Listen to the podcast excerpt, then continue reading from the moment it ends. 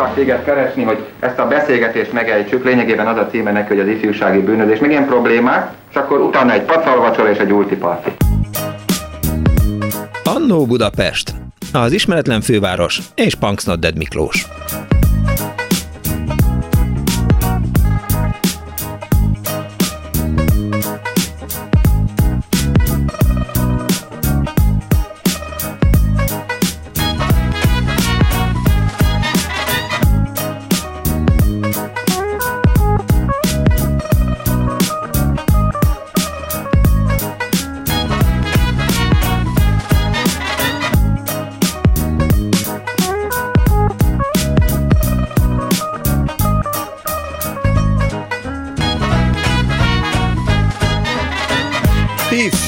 Herkules, Placidés, Múzó, Rahán, Pifur, Lucky Luke alias Villámville, Piszkosfred, Asterix, Garfield, dr. Sörkámán, Szépalmási professzor, dr. Justice, Vakar, Staraós, Snoopy, a Maxi család, Krapulax, Tintin, Fülig Jimmy és a Dodók és más szuperhősök, meg akik kimaradtak. Jó napot kívánok, kedves hallgatók!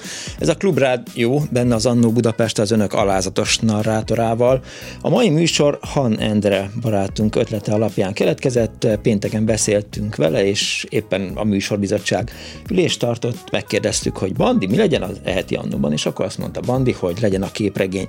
Volt egy kis, eh, hát szerkesztő azt gondolta, hogy, hogy lehet, hogy az nem érdekel annyi embert, mert a klubrádió hallgatói nem néznek képregényeket, de azt mondtam, hogy azért eh, vágjunk bele, hiszen, eh, hiszen az ember fiatal korában biztos, hogy rengeteg képregényt eh, fogyasztott, és aztán persze vannak felnőttek is, akik képregényt fogyasztanak, számomra meglepetés volt egyszer, az egyik barátom, akivel eh, együtt dolgoztunk a még épeszű Origónál, Krich Balázs, eh, számára nagyon fontos volt, hogy időről időre megvásárolja a legfrissebb amerikai képregényeket, megrendelt, és azok meg is jöttek. Felnőtt ember volt, nem értettem, hogy mit eszik a képregényeken, de majd megpróbáljuk kideríteni a mai műsorban. Úgyhogy arra biztatom önöket, hogyha vannak emlékeik, élményeik képregényekkel kapcsolatban, akkor hívják a 2406953-at, vagy a 2407953 953-at, SMS-ben a 0630 30 30 953-as számon is hozzászólhatnak a műsorhoz, és persze a, a Viberen is. A műsorra készülve Kardos Józsi nagyon sok cikket küldött át nekem, köszönöm szépen egyúttal Isten éltesse, mert hogy József nap van ma, és eh, amikor jöttem befelé, akkor azon gondolkoztam, hogy három nagy képregényel a kezemben fogok érkezni, az egyik az eh, mindenféleképp a Mauz lesz, a másik eh, néhány évvel ezelőtt jelent meg, hát egy-két évvel ezelőtt jelent meg az ötös számú Vágóhíd képregény változata, ami szintén megvan otthon, és hát mindenféleképp elhozom majd a Nyugat Plus zombikat, Csepella Oliver képregényét, ami az utóbbi évek egyik nagy szenzációja volt, a Csak neked kislány énekese, meg vezetője csinált egy képregényt, és gyakorlatilag kultusz képregényként működik a Nyugat Plus zombik, de hát persze, és amikor a videós előzetesben elmeséltem, hogy hogyan kattantam rá Rahanra nagyon fiatal gyerekkoromban, és azt gondoltam, hogy obszidián kése van, meg is érkeztek természetesen a felkészült hallgatói reflexiók, és azt mondták, hogy nem obszidián kése volt eh, Rahannak, hanem csontkése volt, és a csontkés ráadásul olyan tulajdonsággal bírt, hogy meg tudta mutatni, hogy merre van észak, meg merre van dél. Na hát én erre nem emlékeztem, de arra biztatom önöket, hogyha igen, volt kedvenc képregényük, amiért mondjuk sorba álltak, vagy megvették, vagy vásároltak képregény újságokat, akkor mindenféleképp hívjanak, és ezeket meséljék. Kíváncsiak vagyunk az képregényekről szóló történetekre. És a vonal túlsó végén itt van már Dunai Tamás, a Szegedi Tudományegyetem Kommunikáció és Médiatudományi Tanszék adjunktusa. Jó napot kívánok! Jó napot! Önnek szakterülete a képregény. Hogy fordult rá erre a témára? Nem tudom, lehet, hogy generációsan egy picivel fiatalabb vagyok. Én nagyjából a 80-as, 90-es évek fordulójának generációjához tartozom, uh-huh. aki már találkozott igen a kockással, meg, meg néhány alfa külön számmal és, és egyebekkel, de azért nagyrészt a Garfield, Pókember és, és a nyugati képregények, mint az amerikai e, típusú képregények beáramlásával kapcsoltam igazából bele. De aztán nagyon hamar mindenevő lettem, úgyhogy igen, Asterix, Lucky Luke, Dr. Justice. Dr. és, Justice. És, és társai. azért nagyon hamar ugyanúgy kapcsoltak ehhez, meg, meg hát a hazai képregények is, akkor, amik, magazin és hasonló. Amikor elkezdett ezzel foglalkozni, akkor a magyar képregény talán éppen válságban volt. 2005-2007 volt az, amikor már mindenki temette a magyar képregényt. Erre még, már, erre még vagy már emlékszik? Persze, abszolút. Én akkor éppen egyetemista voltam már, és, és igen, annyiban emlékszem, hogy ott volt egy, egy ilyen, valóban egy válság az ezredforduló környékén, és de talán 2005-ben jött létre egy ilyen magyar képregény kiadók szövetsége, később képregény szövetség, ami elkezdett így azért ezzel ellen tenni, vagy tudatosan tenni, és létrehoztak képregényfesztivált, voltak olyan körök, akik mostán a Kingpin kiadós Harza Tamáshoz kötődnek, akik, akik pedig képregénybörzét csináltak, sőt maga Harza Tamás csinálta ezt a képregénybörzét, tehát ott kezdett valami éledezni. Sokan féltették a képregényt, viszont sokan tettek is érte. És ez egy nagyon érdekes, izgalmas időszak volt pont emiatt. Van egy állítás, hogy a képregény a kilencedik művészeti ág, és ha belegondolunk, akkor, akkor lehet, hogy ha visszamegyünk Altamirába, akkor azt lehet mondani, hogy az ősember már képregénnyel üzent vagy kommunikált. De lehet, hogy nem, mert szövegbuborék nem volt. Uh, igen, ezek nagyon messzire vezetnek. Uh, valóban vannak ilyen képregény történeti koncepciók, amikor még sokan legitimálni akarták maguknak ezt a médiumot, vagy elismertetni, vagy művészetként elismertetni, akkor nagyon sokszor a figuratív elbeszélő művészet ilyen korábbi alkotásaihoz nyúltak vissza, hogy, hogy mint a képregény előzményei, de azért a többség inkább a 19-20. századra teszi ennek a születését. 1896. február 16-a. Van, az... aki igen, de van olyan képregény történeti hagyomány, aki már az 1830-as, 40-es évekre főleg Európában volt egy Radolf Töpfer nevű Genfi rajztanár, aki képes történeteket készített, csak ott még kép aláírások voltak, nem pedig szóbuborékok. Ha már szóba került a generációs különbség, ugye nem a fiatalok műfaja, és nem csak a fiatalok műfaja a képregény. Uh, nem, abszolút nem. Voltak olyan időszakok a története során, amikor akkor inkább a fiatalokat célozta meg, Jelenleg szerintem nem, de ennek, ennek különböző általában ilyen történeti okai vannak, hiszen, vagy társadalom történeti okai vannak, vagy, vagy média történeti okai vannak, hiszen hiszen különböző időszakokban más-más szabályozási környezet vette körül a képregényt, ezért mást is más lehetett a képregények lapjain művelni. Én, én az ön egyik tanulmányában, ami a médiakutatón jelent meg, csodálkoztam rá, hogy Magyarországon volt olyan időszak, amikor be volt tiltva a képregény. Hát a betiltás talán erős szó, tehát ilyen felfelbukkantak akkor is néhány évente egy-egy képregény, uh-huh. mondjuk a 40-es évek végén, 50-es évek elején, de valóban egy, egy azért egy szűkebb nyilvánossága volt a képregénynek, és, és valóban nem, nem volt egy preferált sajtóműfaj, vagy médium, attól függ, hogy minek nevezzük. De, de ettől függetlenül ez nagyjából azért ott a 56-57 környékén a, a nagy nyitás, az 56 utáni uh, nagy nyitásnál, amikor sokkal több szórakoztató, meg uh, ipari termék, sajtótermék jelent meg, akkor hirtelen azért a képregénynek is lett helye az országban, még hogyha az egy szűkebb kör is volt, hogy mi is férhet be, és mi nem. Én próbáltam felidézni gyerekkoromat, amikor a szüleim járatták a, a Füles keresztrejtvény újságot, amiben az emlékeim szerint aztán vagy így volt, vagy nem, tehát azért engem is megcsal néha az emlékezet. Három képregény volt, volt egy valami, valami komoly, mit tudom én, valami szép, magyar szépirodalmi mű, Jókai, vagy, vagy Mixát, vagy bármi. Volt egy kis Szilvási Lajos, és volt egy kis P. Howard, egy kis Rejtő Jenő, 14 karátos autó, és a többi, és a többi. És, és engem mondjuk Rejtő Jenővel maga a képregény ismertetett meg. Mind múlik egy képregény sikere? Mitől jó egy képregény? Szerintem ez a célközönség elvárásaitól függ, vagy a közönség elvárásaitól függ. Szerintem nagyon sokan, nagyon sokféleképpen közelítünk a képregényekhez, de persze szokás ilyen általánosságban mondani, hogy igen, a kép és szöveg együtt nagyon jól működik, vagy a karakterek dinamikája.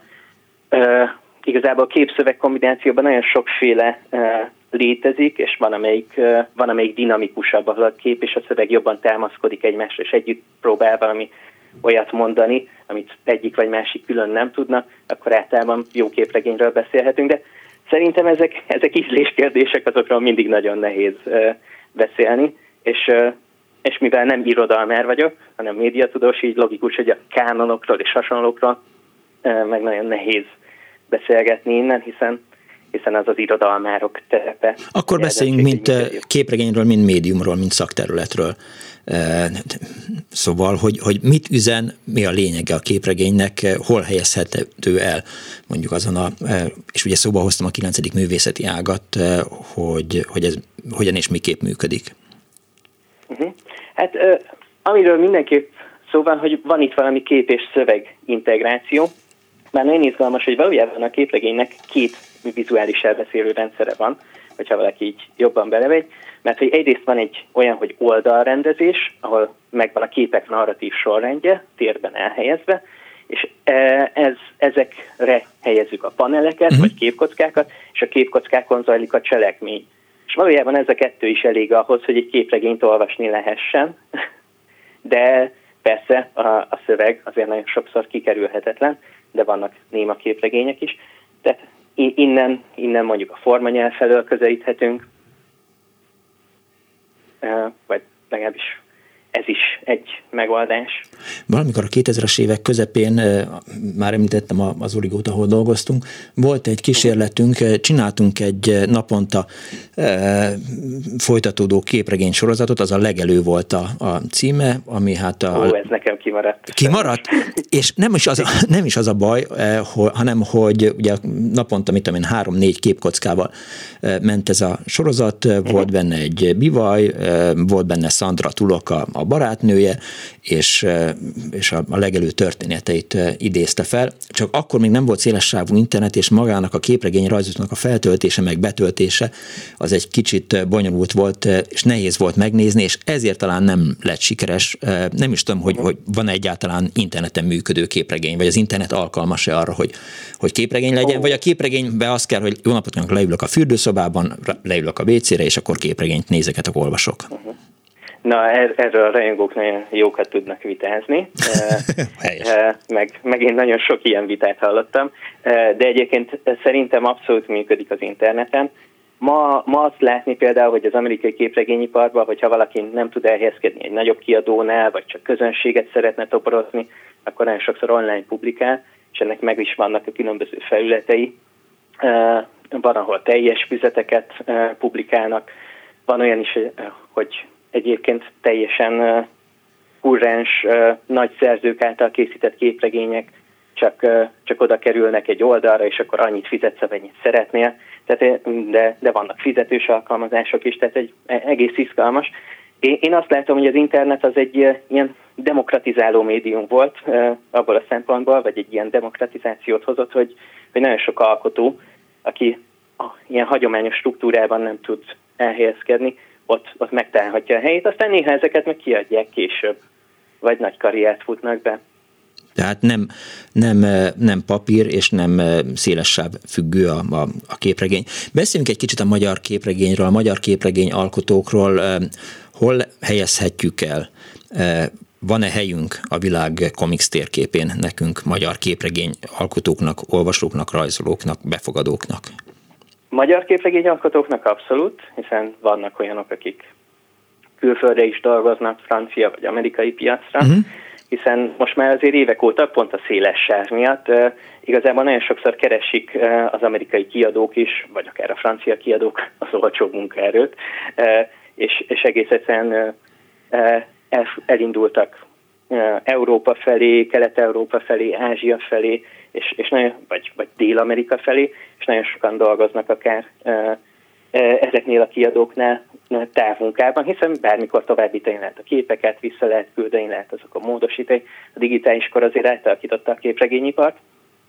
Úgyhogy igen, ennek köszönhetően vannak olyanok, mint Futaki Attila, aki, aki dolgozott azt hiszem Scott Snyderrel, aki, aki Batman képregényeket uh-huh. készített, és neki, neki rajzolt például horror képregényt az Image kiadónál, vagy Piers Roland, még lehet, hogy ő szegedi Wonder Woman színezett színezőként dolgozott be, tehát hogy ilyenek léteznek.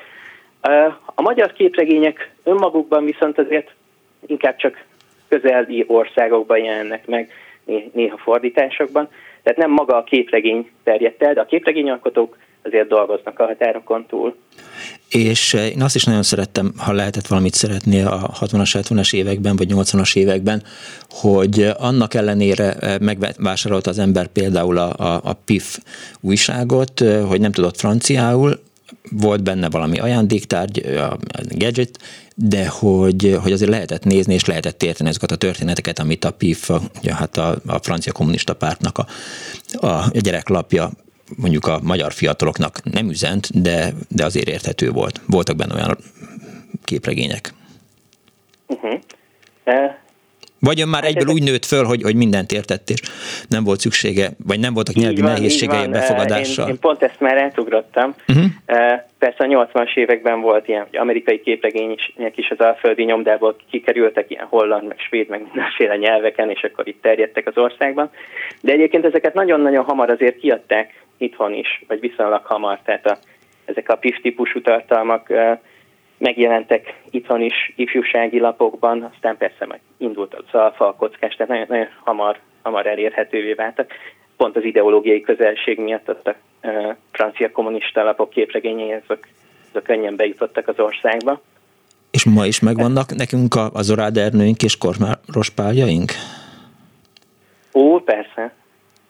Mert... Mármint, hogy Szerintem igen, de most, hogyha, hogyha arra gondolunk, hogy ők mennyire így fémjeleztek egy korszakot, akkor úgy nem, nem biztos, mert hogy szerintem, és akkor itt, itt van, van egy ilyen volumen különbség, amiről, amiről talán beszélnünk kell, hogy akkor a képregény azért olyan lapokban jelent meg, akik, amik több százezres példányszámokban jelentek meg, és ezért sokakhoz eljutottak.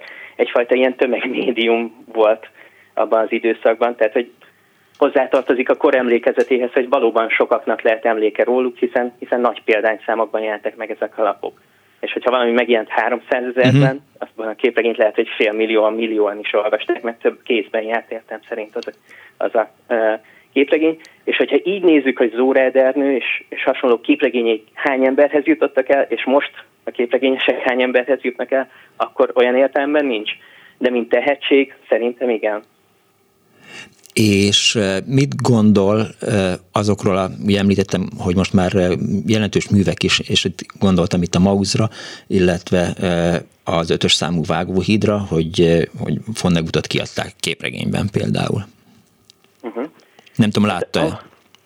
A, a Maus az egy nagyon izgalmas történet volt, hiszen az, az egy ilyen tucatnyi évig készült, eleve Isten a 92-ben Pulitzer díjat kapott, és valóban nagyon sokat tett azért, hogy egy ilyen amerikai alternatív képregényes hagyomány, ami túlmutat a szuperhős képregényeken, ez, ez így felkerüljön a térképre, utána sokkal több tudós, akadémikus kezdte el vizsgálni, tehát a tudományos munkát, az irodalmárok képregény felé fordulását elérte. Úgyhogy mindenképpen nagy, nagy mérföldkő volt, meg abban is nagy mérföldkő volt, de hogy lehet, hogy nem azonnal, de azért megnyitotta a könyvesboltokat a képregényet, hiszen ez egy kötet. És mindenképp egy trendindító, vagy fontos trendindító kötet volt más, más kötetek mellett. Az ötös számú vágóhíd pedig igazából már inkább egy hagyományba illeszkedik, hogy, hogy igen, később elkészítik nagyon sok dolognak az adaptációját is, és, és az önmagában is lehet értékes alkotás túlmutathat, mást adhat, máshogy működhet, mint, mint az eredeti irodalmi alkotás. Mit gondol a mangákról? Én olvasok mangákat, vagy olvastam mangákat, uh-huh. de ez főleg magyarul és angolul. Tehát amióta egyébként itthon a manga kiadás azért egy ilyen akadozóban van, meg, meg nagyon kevés ilyen típusú kiadvány jelenik meg a 2010-es évek óta, ezért, ezért nem annyira kiterjedtek az ismereteim, de a manga szerintem egy nagyon széles skálán mozgó kulturális változata a képregénynek, és, és brutálisan jó mangák is vannak természetesen, és persze, persze nagyon mainstream és könnyed, és, és nem feltétlenül nekem szólók is közte. De ettől függetlenül alapvetően a képregény egyfajta kulturális változatának, vagy egyik fontos kulturális változatának tartom, és, nem tudom, nagyon sok művet szeretek. Nem tudom, jártam már Animecon nevű rendezvényen? Animeconra nem jutottam el. Na, nekem a gyerekeim, igen, a gyerekeim gyakran jártak Animeconra, és akkor a, a, feleségem az, mit tudom én, heteken keresztül varta jelmezeket, amivel Animeconra tudtak menni, és mindenféle fantasztikus jelmezek készültek, és azt nagyon szeretem, amikor ez van a városban, valahol ott a Kőbányi út környékén szokott lenni, talán a, a Budapesti Nemzetközi Vásár területén, és olyankor az egész város teli van ilyen nagyon, nagyon jól kinéző fiatalokkal, gyerekekkel, nagyon izgalmas jelmezekben. Igen, ez, ez mindenképp izgalmas jelenség. Én értem szerint már generációsan ebben, ebből már így kimaradtam, de viszont nagyon sokszor találkozok vele, hiszen egyetemi oktatóként szakdolgozóim foglalkoztak többször a témával, tehát így a cosplay jelensége, ennek a beöltözésnek a jelensége, ez, ez abszolút megvan. És, és igen, valóban az Japánban egy társadalmilag nagyon releváns terület, bár szerintem izgalmas megjegyezni, hogy ez valójában a japánok, egy, egy japán, nem, nem tudom sajnos a nevét, illető honosította meg, mikor Amerikában Star Trek találkozón vett részt, és onnan vette át ja. ezt az ötletet. Aha. És honosította meg, tehát valójában amerikai eredetű ez a típusú beöltözés. Na, ezt például én nem tudtam, már is bejebb vagyok. Önnek melyik a kedvenc képregénye? Hú, ez nagyon összetett kérdés. Nagyon szeretem Hugo Pratt, ő egy olasz alkotó Kortó Mátész képregényeit. Amerikai képregények közül X-Men elsősorban, vagy az X-Men történeteket. De jelenleg mondjuk egy ilyen indie, vagy egy ilyen alternatív vonalon, vagy szerzői képregényes vonalon egy Vincent Future nevű képregényt kedvelek a legjobban, ami ilyen brit brit képregény viszont arról szól, hogy mi lenne, ha napjainkban föléledne élő halottként Arthur király, és egészen izgalmas. Olyan, mint a Neil Gaiman észte volna, de nem Neil Gaiman a szerző. Értem. Nagyon szépen köszönöm, hogy itt volt velünk Dunai Tamás, a Szegedi Tudományegyetem Kommunikáció és Médiatudományi Tanszék adjunktusa volt a vendégünk. Köszönöm szépen, hogy itt volt. Szívesen. Viszont hallásra. Én köszönöm, hogy 24 06 a 24 az egyik kedves hallgató azt írta a Viberen, hogy, hogy, már is olvasom, hogy 1980-ban egy papírgyűjtés során precízen összecsomagolt füles évfolyamokat találtam, zseniális képregényekkel, laponként három ment folytatásokban, és egy hallgató van a vonalban. Jó napot kívánok! Szervusz Miklós, Sövei Sándor vagyok. Hello! Hát én így gondolkoztam tegnap, hogy ugye már feladottad a témát, a képregényt, és nekem eszembe jutott, de csak erről, egy, az az emlékem, ami lehet, hogy jó ideig most még nem jutna eszembe épp tizedikig sem. 1988-ban én jártam egy művelési központba, ahol kicsit céltalan társaság jött össze, de aztán az egyik, hát én akkor 13 éves voltam, leányzó behozott egy Galaktika nevű folyóiratot, uh-huh. ami ugye biztos ismered. Persze. És hát kitalálta azt, hogy kellene egy ilyen kifi újságot csinálni, de akkor azt mondták, hogy jó, de akkor az képregény formában, mert arra van kapacitás. És akkor, mivel akkor már én írogattam napilapba, azt mondták, hogy akkor én tudok írni, és hát én írtam a szövegeket hozzá. Tehát tulajdonképpen ők rajzolták, uh-huh és akkor ilyen két-három kis sorokat kellett a kis ábrákhoz írni, kötőszövegként, cselekményt ugye fejlődtetni. Ők nagyjából leírták a, a skipinek a történetnek a lényegét, és akkor nekem kellett megírni ezt. És akkor utána jött a nagy kérdés, hogy akkor ezt hogyan lehet kiadni. Tehát ugye 87-ben, 88, 87, 88 körül volt ez. Hát nem volt kiadási lehetőség, tehát ez nem úgy volt, hogy akkor most... És akkor a művelési központnak a egyik munkatársa, az ugye a pátitkárnak volt a szerelme, titkos szerelme, és, és tulajdonképpen ez volt a kulcs ahhoz, hogy mi a, hát a stencilgép kis szobáját kinyitotta. Aha. És akkor stencilezve, összefűzve körülbelül 100-150 példányt készítettünk belőle, amit utána az utcán árultunk, ezt is engedéllyel, akkor még nem adóhivatal, de árultuk, és akkor hát pénzt folyt belőle be. Tehát, hogy most ugye a stencilnek az volt a lényege, hogy a, hogyha erősebben ütött ugye a Az írógép, ha nem ütött erősen, akkor a betű néha elmaradt, vagy a fele maradt meg, de a rajzot, hogyha tudta a rajzoló, hogy most mind dolgozik, uh-huh. kiválóan kihozta. Tehát, és ez egy, ez egy ilyen régi, hát hogy is mondjam, kis újság volt, ami 6-7 lapszámot is megélt. Tehát, hogy ennek a klubnak volt valami, és még a Széchenyi könyvtár is megőrizte ezt, utána néztem ennek, hogy egy példányt megőrzött belőle a Széchenyi könyvtár is. Ez gyakorlatilag szamizdatnak nevezhető kiadvány volt. Hát igen, de ez, most ugye te azért a korosztályba tartozol, de van már egy fiatal, most például én tegnap találkoztam két 20 évese, és például teljesen magányosnak éreztem magam, mert nem ismerték például a, a, a piramis együttestől, ők nem is hallottak például. Tehát ugye ez egy rettenetes dolog, úgy, ugye emberekkel úgy beszélni, hogy nem ismernek már semmit. És de minden mást ismernek, tehát az túlzás, hogy nem ismernek semmit, nem ismernek hát abból múlt, semmit, ami, ami a tiéd. Hát a múltval kapcsolatban. Igen. Pedig hát mi sem vagyunk öregek még, de lényeg az, hogy az úgy volt, hogy gyakorlatilag volt egy 24 per 24 nevezetű vetélkedő, amire már iskolóként is be lehetett nevezni. Ez egy unblock 24 órás vetélkedő, tehát uh-huh. teljes 24 órán keresztül, ugye nagy buli volt, mert ugye éjszaka soha van volt még olyan, hogy ugye 13 sem felvalani. És akkor utána nem projektoros vetítővel ezeket a rajzokat ebből volt, és 500-an nézték ezt a nézőtéren, hogy mi magyaráztuk, hogy ugye ezt a, ezt a skifi történetet, ami akkor nagyon-nagyon, nem tudom miért, de nagyon népszerű volt a skifi, meg a galaktikának volt egy ilyen misztifikációja. Hát az máig van. Hát én utána néztem egyébként, akkor nem tudtam, de hát ugye ezek ilyen félmilliós példányban jelentek meg ezek Igen. a lapok.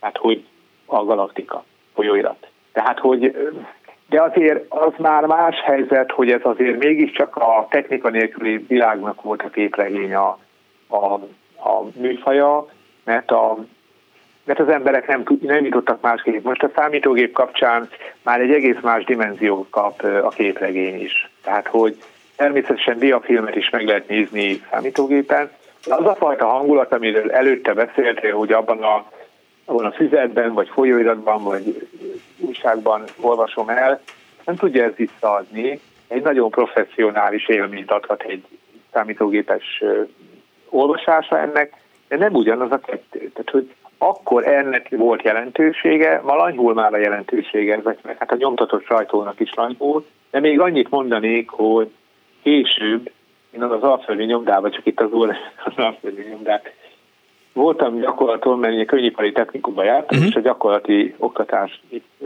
és mi felismertük azt, hogy, és a rengeteg ilyen képregényt is mondtak, még akkor, 8-90-ben, és elismertük azt, hogy ennek ugye a vásárló ereje megvan, és úgy gondoltuk, hogy mi a még meg se jelent képregény. Volt egy, volt egy, egy ilyen ügyességi füzet, vagy nem tudom, ez tele volt ilyennel.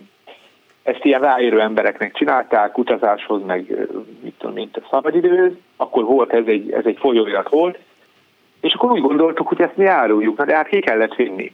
Na most azt, azt úgy képzeld el, hogy a, hogy, a, hogy a porta az egy nagyon hosszú repülőtéren egy olyan volt, és itt mindent átnéztek. Tehát itt egy papírdarabot nem lehetett kivinni.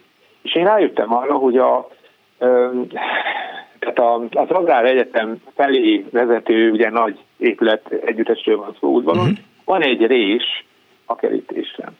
És akkor ugye valaki kimegy üres táskával, ugye az egyik osztálytársam, és akkor majd oda sétál, én átadom neki a cuccot, és akkor én is üregtes táskával fogok kisétálni. És akkor ezt csináltuk. És akkor itt árultunk olyan könyveket, meg füzeteket, amik még meg se jelentek. Na most ebből rengeteg ilyen volt, amit utána még, hát ugye óriási volt az eredmény, mert ugye 4-500 forintot kaptunk érte 90-ben. Tehát akkor ez ilyen darabjáért, hát azért az nem olyan kevés pénz volt akkor. Nem, nem, nem, sőt. És hát igen, tehát hogy és mi lett a vége? Aha, ja, persze, igen. Tehát ne, hát igen, ne szépítsük. Most, hát ugye nekem, tehát a, a, a tanárunk egyébként egyetemen tanító öltönyös ilyen James Bond ülsejű figura volt, aki minden nap ugyanolyan vasalt volt, mint aki állva aludt. Tehát neki soha nem volt rossz kedves, soha nem volt gyűrött. Az orvosi rendelő volt még ott a, a rés mellett, és ugye oda sétált. És kérdezte tőlem, hogy mit keresek itt, és mondtam, hogy az orvosi rendelőbe jöttem. Csak hát ugye az orvosi rendelőbe volt zárva, és mondta nekem, hogy hát ez ma már nem nyílt ki. Hát mondom, én még várakoznék, hát ha mégis kinyit, mert szorult helyzetemben más nem tudtam mondani. De közben a társak ugye már közeledett a kerítés másik oldalán. És akkor próbáltam neki jelezni, hogy ne jöjjön még, de aztán végül ott hagyott. És szerintem azért, mert rájött, tudta ő, hogy mi van, csak rájött arra, hogy hát engedi ezt a kis lehetőséget a, a tanulóknak, ugye úgyis olyan kevés az ösztöndi, 50 forint volt az ösztöndi, most el lehet képzelni. És akkor engedi ezt a lehetőséget. Egyébként uh-huh. könyvet úgy lehetett kivinni a nyomdából, hogy ezt becsomagoltuk, a tetején lepecsételte a tanár, aláírta. Na most még kitaláltuk azt, hogy jó, hát alá csomagolunk még lehetőséget, ugye egy kis papírost, kibontjuk az öltözőbe, és még lakunk bele, mert a dalaszám nem volt ráírva. Ja, csak Tehát, az aláírás a tanárnak. Igen, és akkor ő erre is rájött, és vissza, visszahívatta az egészet, és mi őrjökbe idegesen téptük szét a csomagokat az öltözőbe, és ezt a szétmarcangolt, széttépett valamit vittük vissza, amiből azonnal rájött arra, hogy ez egy lopásvékészejletnek a meghiúsítása volt részéről.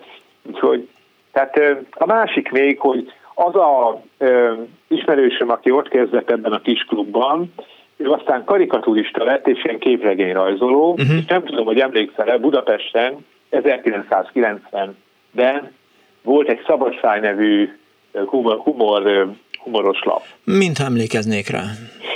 Ennek volt ő a munkatárs, ez egy nagyon kevés ideig él, de viszonylag népszerű volt, de aztán valahogy forrás hiány miatt abban maradt. Meg még a Ludas Matyinál dolgozott ő, amit a, ami már a második Ludas Matyi volt, tehát ugye amikor a, az Elkus József volt, ugye, aki, aki a régi csinálta, és utána jött még egy ilyen új változata, ilyen jobb minőségű papíron, uh-huh. egy mhm. ilyen A4-es méretben jelent meg az is, és abban, abban dolgozott, valamint csinált ezeket a képregényeket, de azt mondta nekem, hogy sokkal többet érnek a karikatúrák eladási szempontból. Az emberek egyszerűbb, humoros dolgokat jobban meg tudnak érteni, vagy föl tudnak fogni, vagy éppen alkalmazottan tudnak rá, akkor rápillantanak a labban is kész. És az, amit mondtál, még annyit mondanék csak, hogy, hogy ez, a, ez nagyon jó ötlet volt, amit csináltál, ugye, hogy három kocka, hogy mindig legyen egy pici, pici kis epizód. Igen. És, de ez miért maradt abba? Hát ez jó volt. Hát nem, nem tudom, tehát, hogy, hogy, hogy nem működött jól, nem sikerült eladni, nem volt elég nézője, hát új volt még akkor, tehát azt hiszem ez volt az első internetes képregény Magyarországon a legelő, és emlékszem, hogy a, a Kalmár Csabi volt a, a szövegírója, Nagy Dániel volt a, a, a rajzolója, és Lengyel Gábor volt a, a produkció vezetője, de aztán valahogy így egy idő múlva ez, ez így elmúlt. De most, hogy így beszélgetünk a képregényekről, jut eszembe, hogy, hogy oké, okay, hogy pajtás újság, oké, okay, hogy füles, de hogy, hogy a 70-es években, talán emlékszel rá, volt a Bazóka Joe nevű rágó, ami Igen. azt hiszem, hogy Jugoszláviában készült, majdnem biztos, hogy Jugoszláviában készült, meg volt Donald Kacses rágó is, és ezekben Igen. a rágókban is voltak volt képregények, tehát ilyen három-négy kockás képregények, amik Nyilván, tehát, hogy egybe lehetett fűzni, nyilván az volt a cél, hogy minél több rágót vegyen a gyerek, és aztán szépen beragassza egy füzetbe, és aztán számok alapján így végig olvassa a történetet, de, de eddig még ez szóba se került, hogy valóban a rágóban is volt egy kis, egy kis képregény. Meg a Kalabok újságban, ha emlékszel a Kalabokra. Az a szovjet tudom, hogy... pajtások újságja volt, ha jól emlékszem.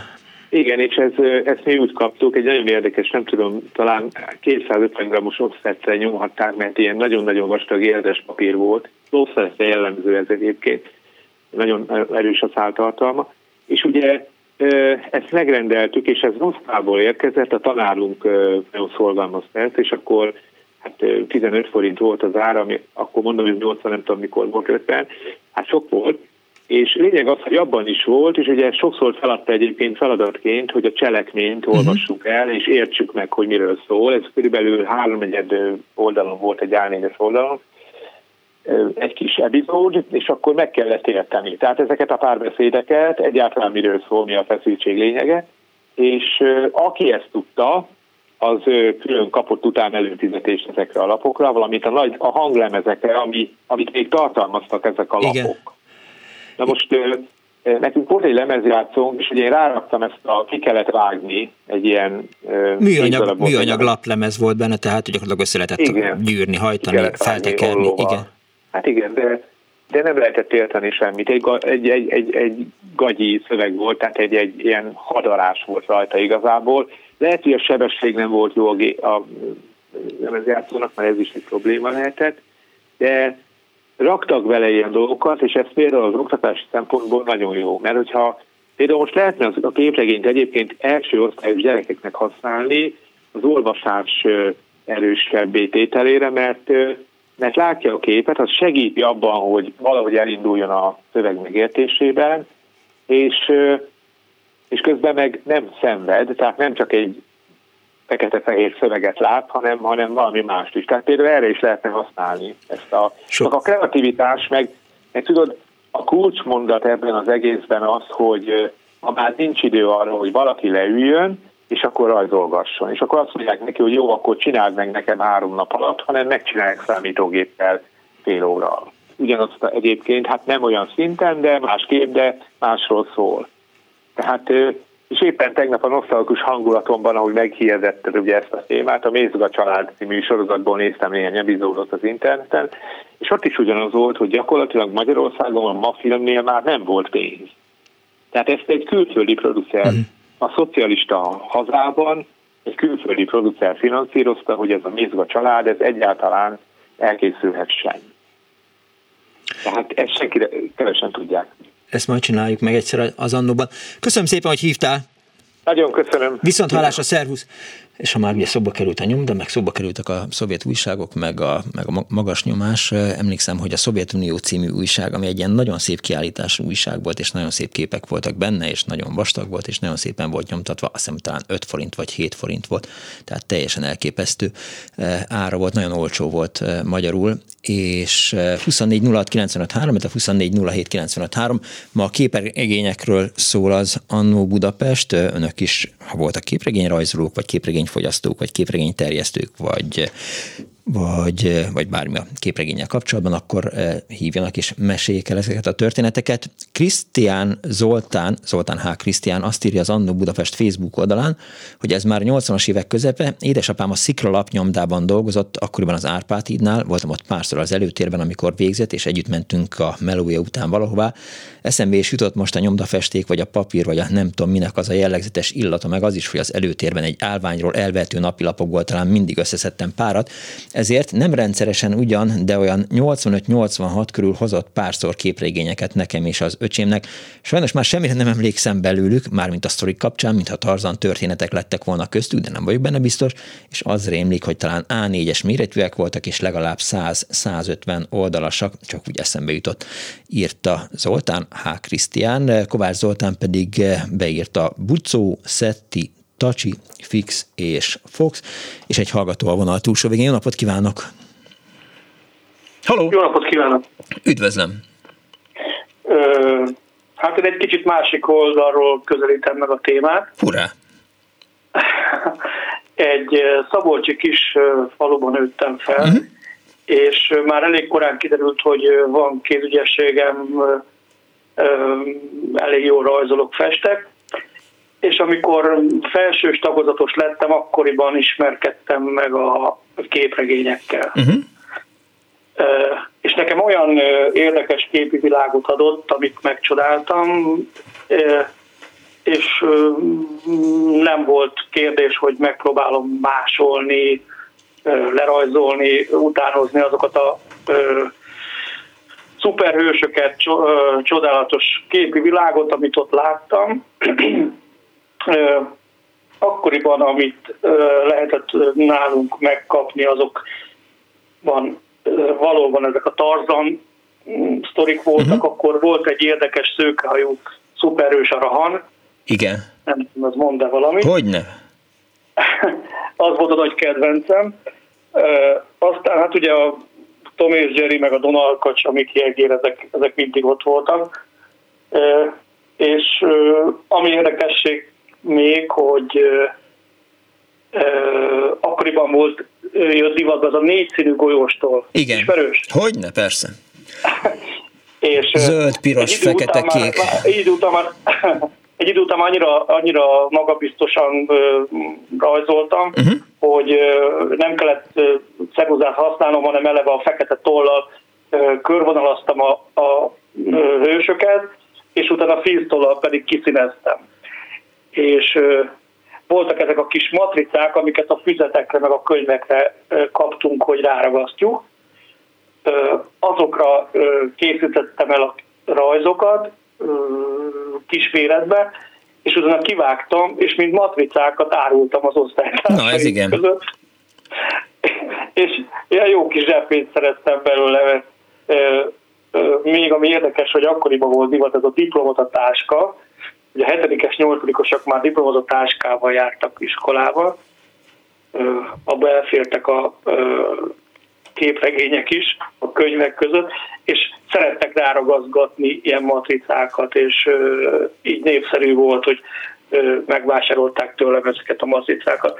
Úgyhogy én nekem elindította a, a hát nem azt mondom, hogy a pályámat, mert nem lettem kézművész, csak amatőr, de viszont ebben segített, hogy a mai napig szeretek rajzolni, festeni, készítek képeket, úgyhogy nekem csak jó emlékeim vannak a, a, a ezekkel a kis színes kiadványokkal. És ezeket a, a képregényekkel. Mhm. És ezeket a matricákat hogy készítetted el? Tehát mitől vált az öntapadósá? Ja, tehát ezek olyanok voltak, hogy így volt a hátoldalán egy ilyen lap, amit le kellett Aha amiről így fölhúztad, és akkor utána tetted ja, tehát, hogy öntapadós tapétára. Aha, aha, értem, értem, értem. Tehát, mint az öntapadós matricák voltak ezek gyakorlatilag. És akkor teljesen egy körbe kivágtam a figurát, mit tudom én, a Miki Egért, vagy a Donald kacsát, és akkor így eladtam két-három forintért, hát akkoriban még az, azért már egy gombóc fagyit kapott az ember ha korban el akarjuk helyezni ennek a történetnek a kezdetét, illetve a végét, akkor ez 1980-tól, vagy 80? 70, 70-es évek vége. Aha. 70. Akkor voltam ilyen hetedikes, nyolcadikos, most vagyok 55. Uh-huh. Mert a, a, a diplomatatáska nekem egy, a diplomatatáska nekem egy kicsivel később jelenik meg, lehet, hogy apámnak volt Nekünk már. már akkor volt. Igen? Hát ez igen. A, pedig Szabol, Szabolcsi kisfalu. Hát annak nincs jelentősége, hogy, hogy Szabolcs vagy, vagy Szentes vagy Budapest záró, zárója. Nem, fogalmam sincs, hogy honnan jutottunk hozzá, de, de meg volt a dipótáska. A nyolcadikosak kimondottan, akinek nem volt dipótáskája, az nem is volt. Jó, és hát azt mindenkinek tudjuk, hogy a tanárok iszonyatosan idegesek voltak, hiszen amikor eldölt ez az osztályban... Ajaj, igen, igen tényleg, tényleg. Mikre emlékszel? Igen, tehát egy-két dologra emlékszem. És aztán kész Jó, lett, vége lett a, a képregényes karrierednek? Hát az az igazság, hogy még egy kis könyvet is írtam, a Dr. Juice is tetszett nekem, jól mondom? Hát Justicének kell mondani, de egyébként nyilván Justice, igen. De Dr. Justice. A, ő, ő, is, ő is megihletett engem, és kitaláltam egy ilyen történetet, hogy, hogy egy, egy ilyen, mert ugye nagy állatbolond is voltam, az meg is maradt, olyan szakmát is választottam, uh-huh.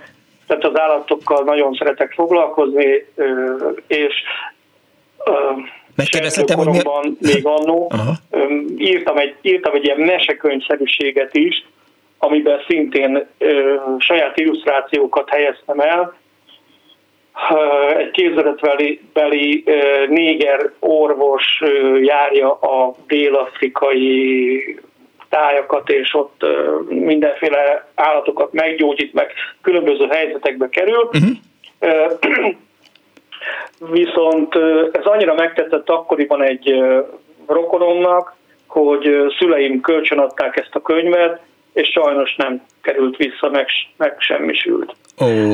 Ugyanígy, ugyanígy volt egy, egy nagyon vastag könyv, amiben szintén ezek a kimásolt képeim voltak a, a, az akkori képregényekből, a Rahan, meg Tarzan, meg Minetú, Blóháton, meg Ugrik, meg Krokodillal verekszik, meg, meg Oroszlánnal.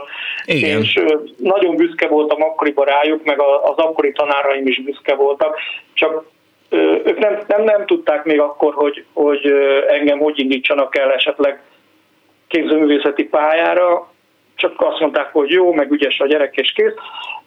És ezt a két könyvet elvitte egy, egy rokon, egy nem túl közeli rokon, és sajnos nem kerültek vissza, és így meg sem tudom őket őrizni, nem tudom őket bemutatni. Nagyon sajnálom, hogy nincsenek meg, mert jó lenne őket most is átlapozni, büszkén esetleg. Úgyhogy így jártam. Azt írja Ákos nekünk, hogy Justice az justice. Így kell ejteni. Justice, aha, jó. justice, az franciásan. Igen. Igen. Na, nem is, nem is rabolom a szót, ennyit akartam volna. Nem, mondani, nem rabolod, de hogy, köszi. ha már ott tartottunk, hogy állatokkal foglalkozol, azért hagyd kérdezzem meg, hogy hentes vagy? Ne.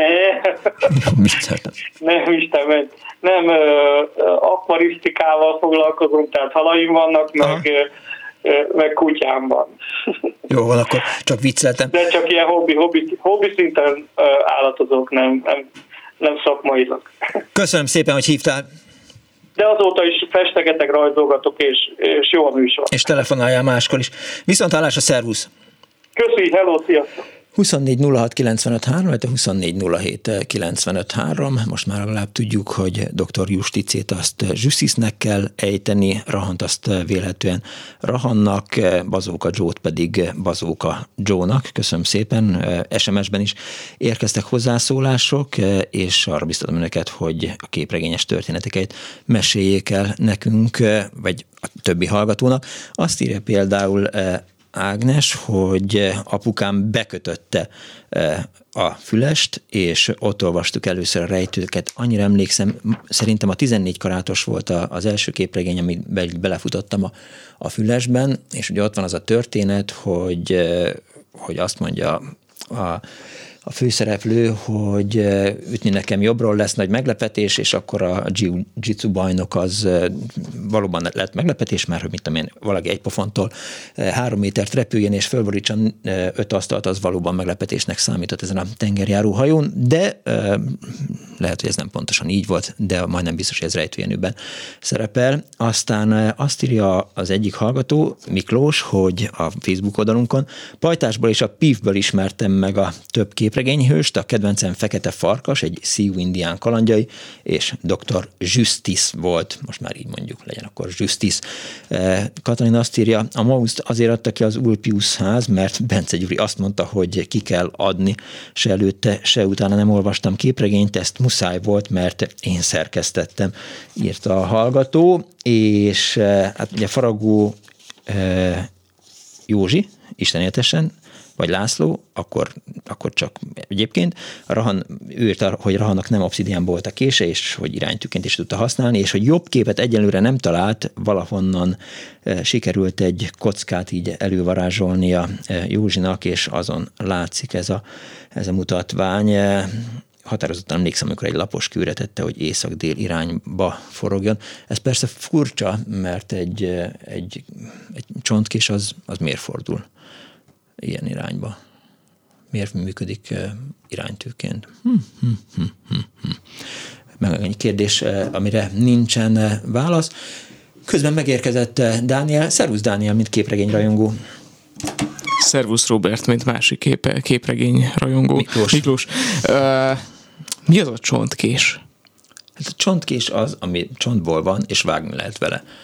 Ah, Oké. Okay. Úgy, úgy látszik, elmés, elmés, úgy, elmés. Úgy látszik, hogy a, a Rahan az neked nem volt meg, vagy nem... Micsoda? Rahan nevű képregény nem, nem, az valóban nem, nem volt meg. Nem hagyott rád ilyen mély nyomot, mert nyilván nem láttad, mert hogy ki, akkor, amikor a Pajtás újságban ez megjelent, az Magyar Úttörők lapjában, akkor azt hiszem, hogy te még, vagy már nem olvastad ezt a dolgot. Azt Képzel, írja, ja, bocsánat. Azt írja az egyik hallgató, hogy vignyetával vinyettából készítette az úr a matricát, írta 0630 30 95 3 és egy smiley tett oda.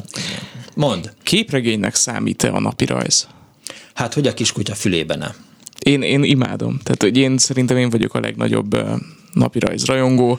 Mindenki ezt mondja. Uh, nem találkoztam még olyan emberrel, aki azt mondta volna, hogy ő nem a legnagyobb napi rajzrajongó. Gyakran használom az automatikus tárgyeset, és, és ilyen dolgokat. Igen. Néha lemegyek a boltba kenyér. Vásároltam és, bérlet. Igen, igen, igen.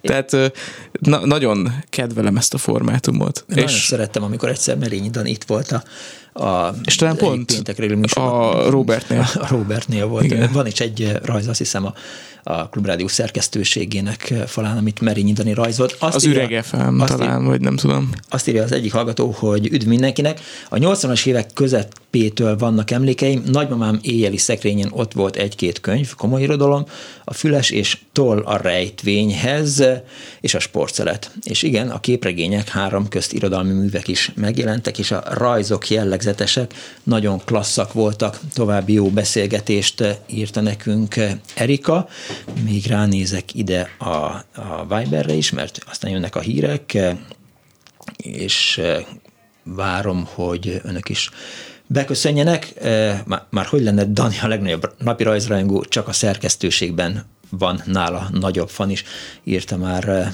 Pálinkás Huan, gondoltam, hogy ennek ez lesz a vége, hogy, hogy megindul a a pöcsméregetés napirajzrajongás ügyében. Hali, gimis koromban éjszakánként pókembert toltam, szerintem aki képregényes volt, az 99%-ban Marvel film rajongó lett, írja Gábor, és lehet, hogy ez az oka annak, hogy, hogy, hogy tehát Marvel én nem megyek be Marvel filmre, na. Tehát olyan vagyok, mint Kern András, én nem megyek moziba többet, hallgattam ma ezt a számot, nem megyek, nem nézek Marvel filmeket, de mindenkinek jó szórakozást kívánok hozzá. 24 06 95 3, 24 07 95 3 képregények az Annó Budapestben, Hanendre ötlete volt, köszönjük szépen. Hamarosan folytatódik hírek, aztán meg mi. rádiót,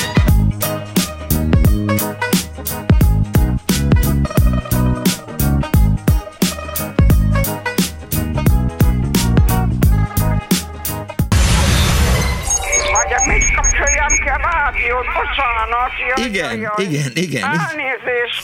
Jó napot kívánok. Mert ez a kis éppen olyan jó, és éppen azt teszi, amit kell.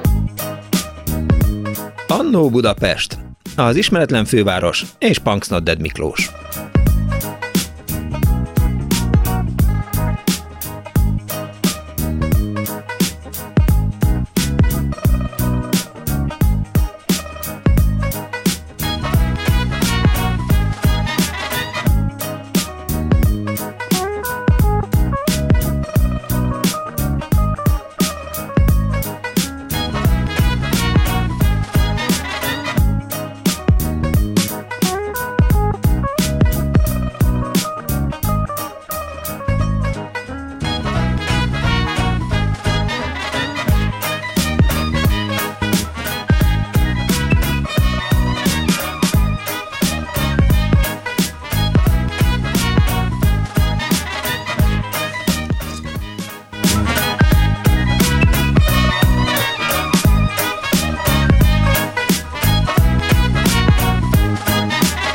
Napot kívánok a most ébredő kedves hallgatóknak! Ez a Klub Rádió benne az Annó Budapest az önök alázatos narrátorával, a szerkesztő Árva Brigitta, az üvegfal túloldalán eh, Kemény Dániel, az önök telefonjait eh, ezúttal eh, Simon Erika fogadja, és köszönöm szépen Kardos Józsefnek, istenetesen Józsi, a küldött háttérányokat, illetve Pálinkás Huannak a, a videós ajánlót, amiben természetesen felbukkant Rahan is, ez az Instagram oldalon is elérhető, illetve látható az Annó Annó Budapest eh, Facebook oldalán.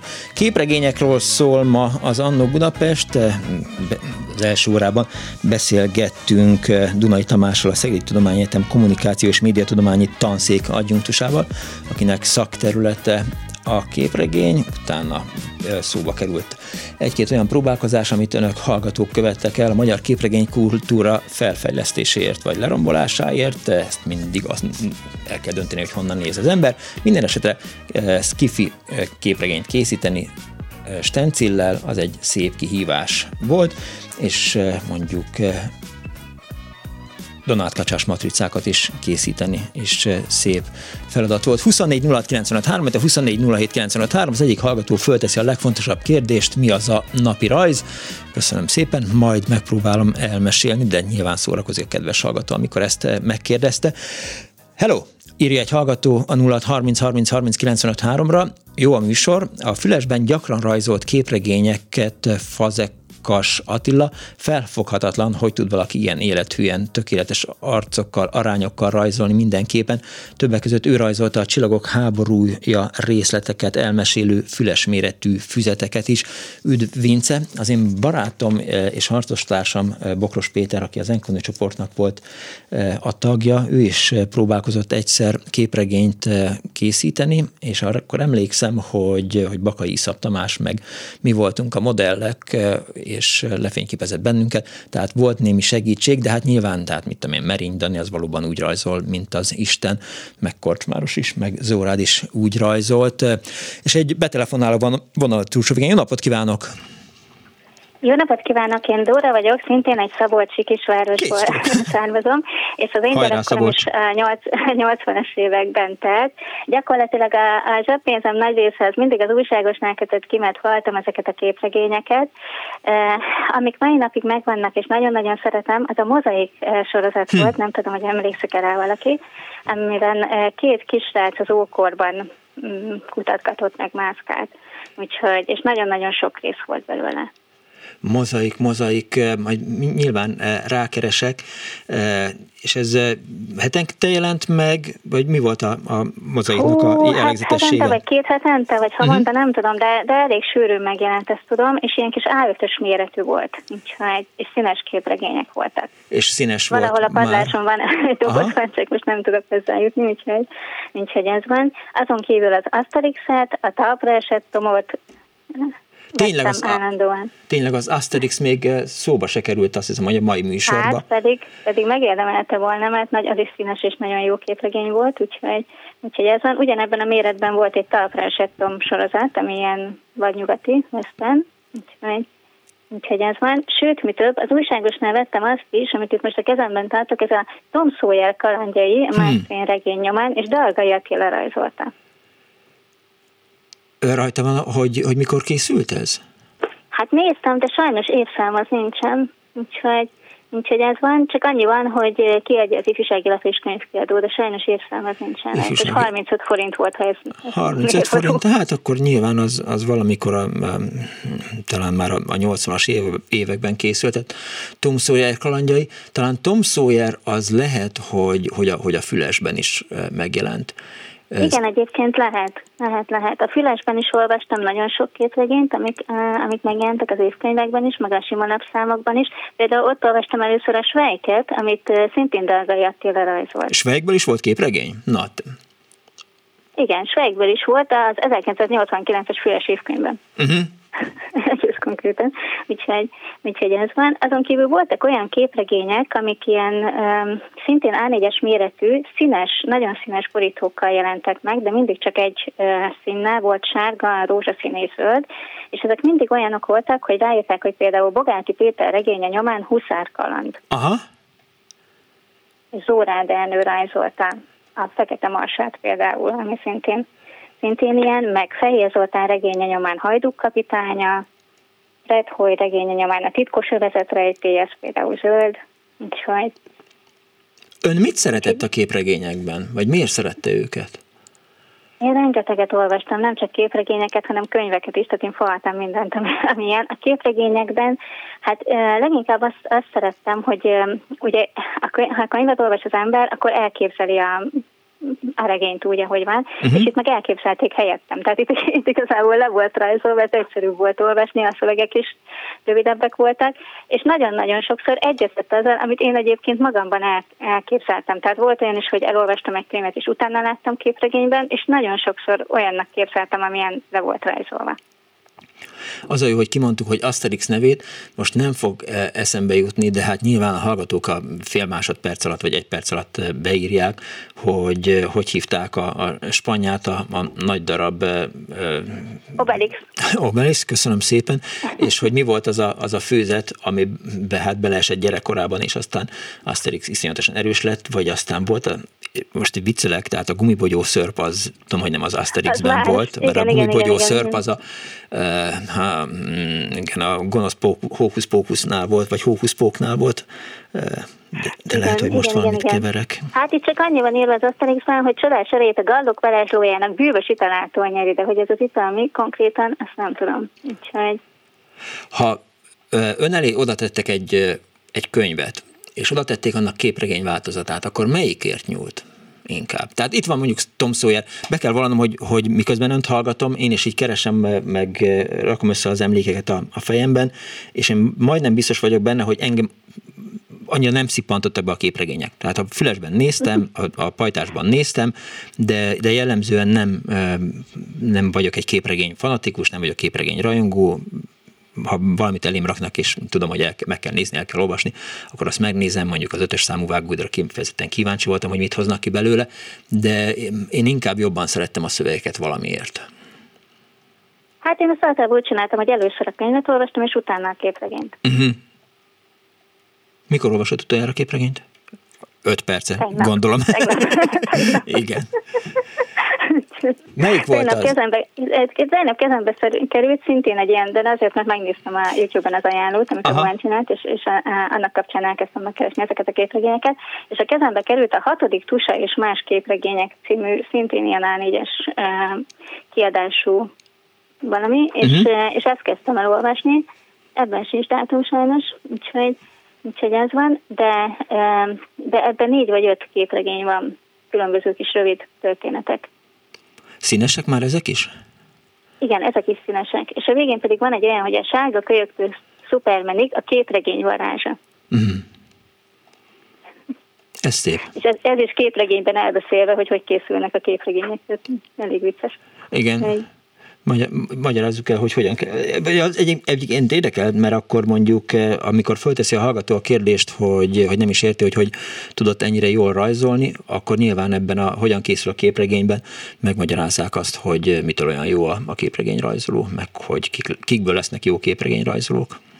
Igen, igen, igen, igen. Aki meg nem lesz jó képregényrajzoló, az meg elmegy a, a reklámiparba, és e, rajzolni fog mindenféle storyboardokat a, a megrendelő kedvéért. Kedvence? Hát Kedvencem? Hát szerintem nincs kedvencem igazából, tényleg mindent szeretek.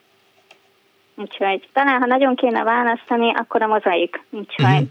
ez az, ami, ami leginkább megfogott. Úgyhogy, de ezeket a 80-as évbeli képregényeket, amiket összevásárolgattam, és nagy része hál' Istennek még megvan, ezeket nagyon-nagyon szeretem mindegyiket. Köszönöm szépen, hogy hívott.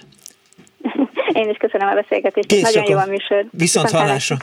24 06 95 3, illetve 24 07 95 3, SMS-ben 06 30 30 30 95 3.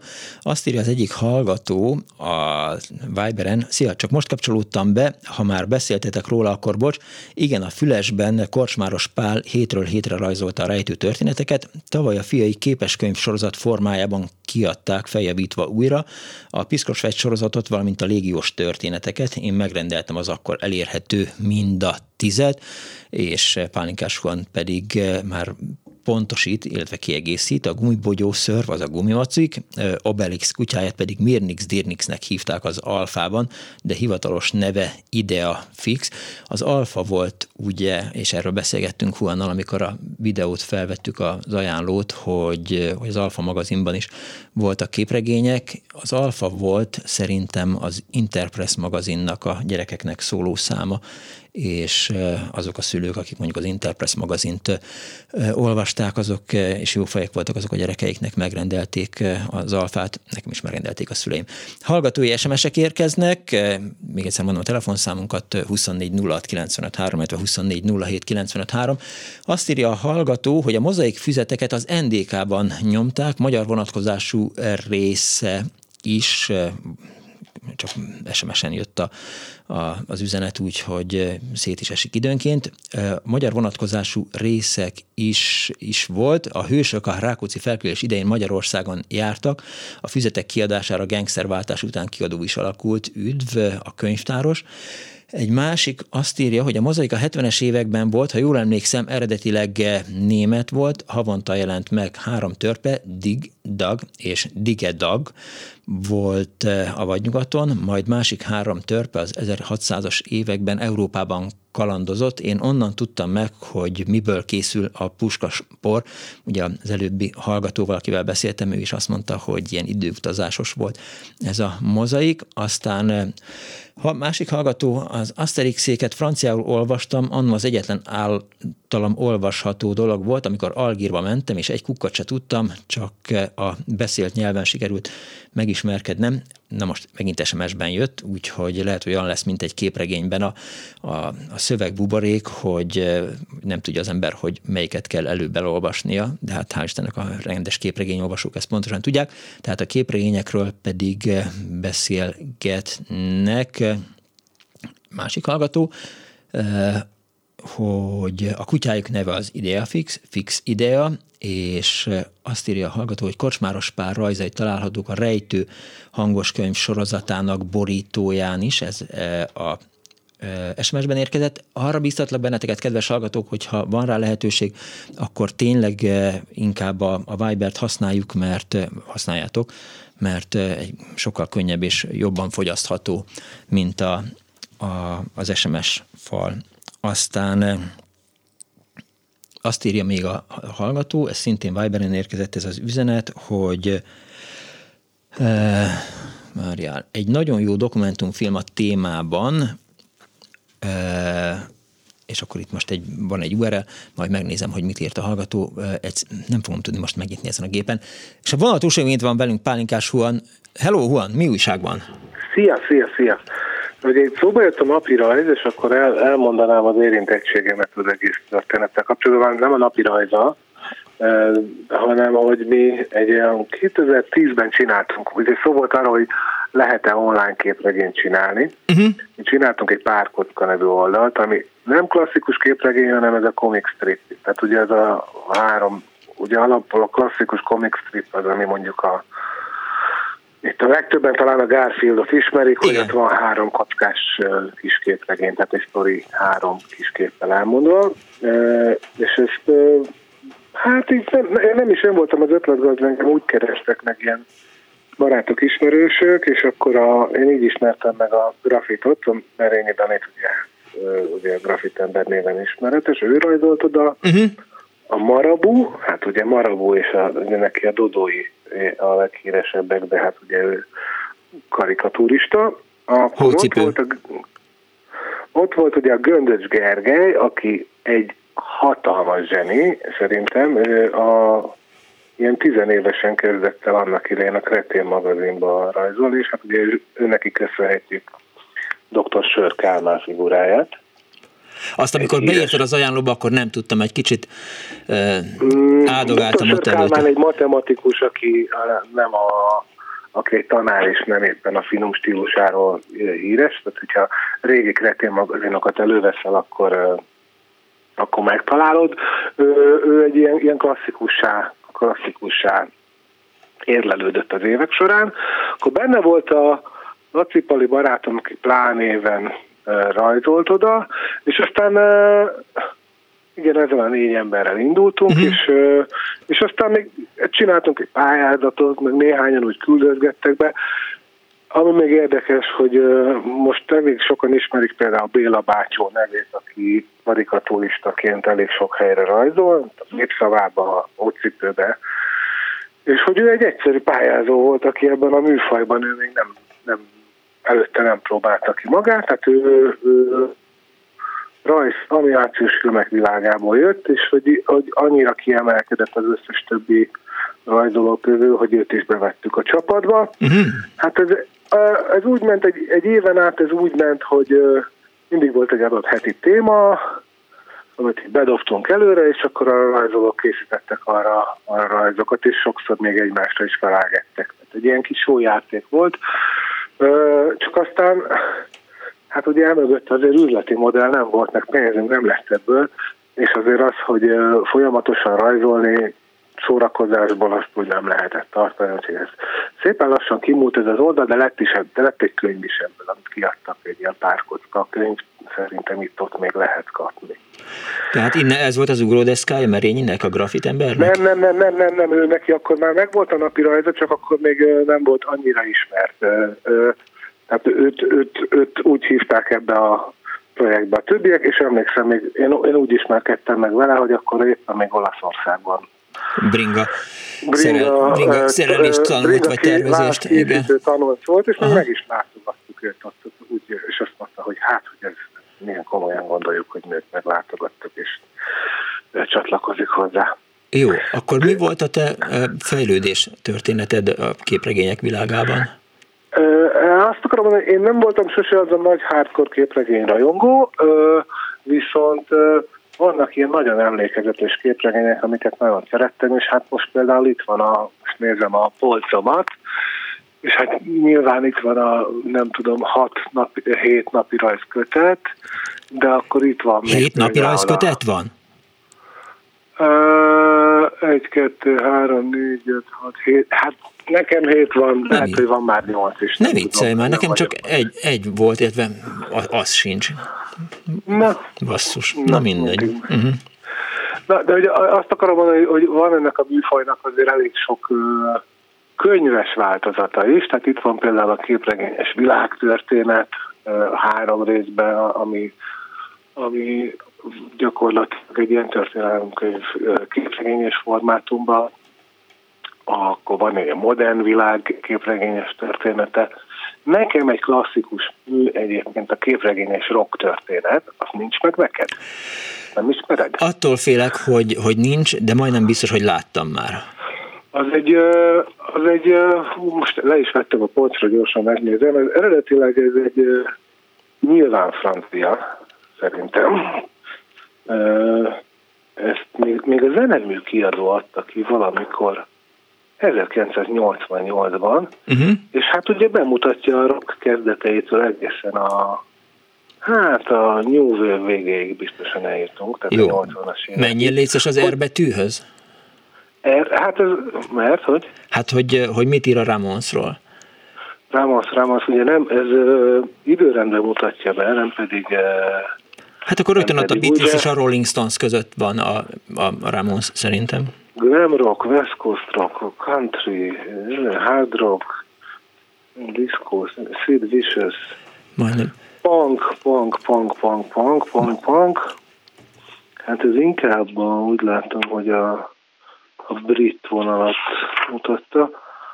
Sex Pistols, Clash. Hát itt most hirtelen nem látom a Ramones, de hallom tudom, hogy ez most neked fáj, de... Hát nem, csak azt gondoltam, hogy, hogy, hogy ha 88-89-ben csináltak egy, egy rock történet képregényt, akkor biztos, hogy kiadták belőle, tehát, hogy, hogy ezek ilyenek voltak, tudom. Átlátok, azt hittem. Nincs benne Ramones Az Velvet Underground van, kicsit visszanéz. De itt van, itt van, itt van, itt van, itt van, itt van, csak nem a punknál, nem a brit punknál, hanem a amerikai 70-es éveknél, ahol utána az Velvet Underground mellett megemlítik a New York Dolls-ot, Lou Reed-et, és akkor ott egyszer csak feljönnek az aluljáróból ilyen Ramones fejű emberek négyen, és a No I One Sniff Some mm. szöveggel. A radikális Ramones hideg és kemény ez a mondat. És még egy, még egy emlékezetes képregényt szeretnék mondani. Egyébként lehetett kapni a Ferenciek terén egy időben, mert nekem megvolt ez régen, aztán eltűnt, és aztán újra beszereztem. Hát a pápás képregény, az nincs meg. Nincs. Második János pápápa életét megcsinálták képregényben. Az is amikor a 80-as évek vége lehetett szerintem. Egy színes képregény, és hát, tök érdekes volt, és én azt, azt, azt valahol bírtatom, azt most éppen nem láttam a polcomon.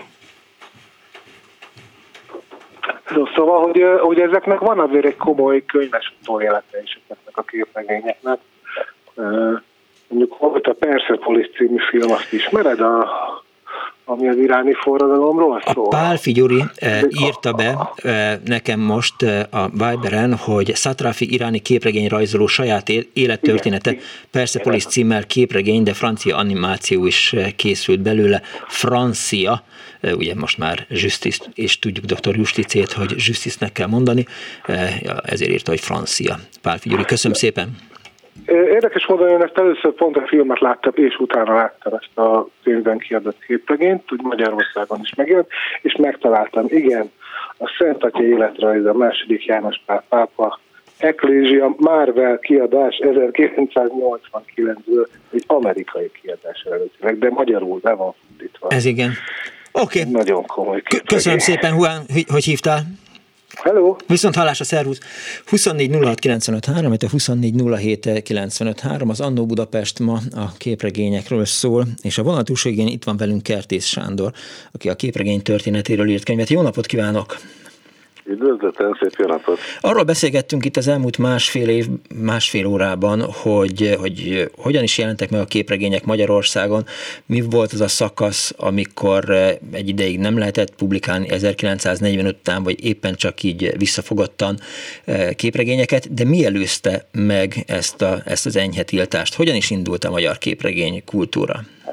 A magyar képregénynek azért egy nagyon-nagyon hosszú története van, ami azt jelenti, hogy az 1800-as évekig nyúlik ez vissza, mert valamikor az első magyar éjszlapban az üstökösben jelentek meg ilyen képtörténetek, amit még Jókai Móri írt és Jankó János az első magyar karikaturista hmm. rajzolt, és ezek ilyen képaláírásos történetek voltak, és nagyon sokáig Magyarországon egyébként az ilyen képaláírásos sztorik határozták meg a képregényt, valami miatt, hogy idegenkedtünk a, a szóborékos képregénytől, tehát nagyon nem akart meghonosodni, egészen a, a 30-as évekig.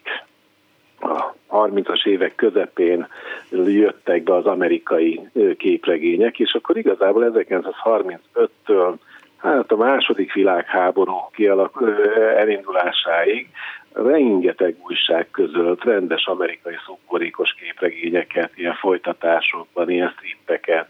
Volt képregény újság is, rendes szubborékos képregény hmm. újság, ami ugyancsak amerikai képregényeket közölt 1936-38-ban két évig. Ez a Hári János című újság volt, tehát egy magyar neve volt, az ifjúság lapjának nevezték, de, de kifejezetten csak amerikai sztorik voltak benne, aztán a háborúval ez ez így véget ért, és utána tényleg jött ez az időszak, hogy a második világháborúban a, a szovjet hadsereg az, mint amerikai imperialista terméket nem kívánatos szórakozási formának titulálta, és ezért úgy kiutálták a magyar sajtó oldaláról a képek. A Hári Jánosban e, Superman és társai voltak? Nem, még ezek a klasszikus amerikai képregények, szuperhős képregények nem jelentek meg Magyarországon soha. Az 50-es években szuperhős képregényekkel riogatták az embereket, hogy, hogy micsoda szörnyű dolog megy Amerikába, hogy ilyen fürdőkabátban, meg fürdőgatyába ugráló igazságasztók önbíráskodnak, és hogy ez micsoda fertő. Tehát uh-huh. ezt tulajdonképpen példának hozták az, hogy a, a képregény ellen, de ilyet Magyarországon senki nem látott. Tehát nem, jelenhet, nem jelentek meg az ötvenes. Tehát egyáltalán ezekből a klasszikus időszakból szuperős képregények. Ezek ilyen western történetek voltak, amik megjelentek, akkor voltak benne. Hát ilyen klasszikus szórakoztató képregények voltak ezekben a tulajdonképpen tényleg jó szerkesztett, egy ilyen ártatlan kis újság volt, és nem is a tartalma miatt szűnt meg, hanem a papírhiány miatt. Tehát, hogy már a második világháborúra hangolva már nem volt. Tehát ezeket az újságokat szüntették meg el, el, először. A Hári János az hány példányban jelent meg? Csak arra vagyok kíváncsi, hogy mondjuk a 30-as, 40-es években mekkora igény volt képregény újságra, képregény füzetekre? Hát azt én meg nem tudom mondani, mert nekem nincs egy adatom, nem uh-huh. emlékszem rá, hogy azok milyen nagyságrendben jelentek uh, meg, de tulajdonképpen a Hári Jánoson, tehát az volt, mint képregény újság, és akkor volt ilyen című újság, aminek az volt a neve, hogy az újság, akkor volt a, a kis újság, a friss újság, ezekben rendesen hétről hétre jelentek meg. Ez a Alex Raymondnak ez a titkos ügynök kalandjai folytatásokban, sőt egy olyan nagy ilyen hogy milyen performance is csináltak, hogy a képregénynek bizonyos képkockáit a Budapest nagy áruházainak a kirakataiba hm. elrejtették, és ezt kellett megtalálnia a közönségnek, és köztük ilyen gyűjtő, tehát ilyen díjakat, ajándékokat sorsoltak.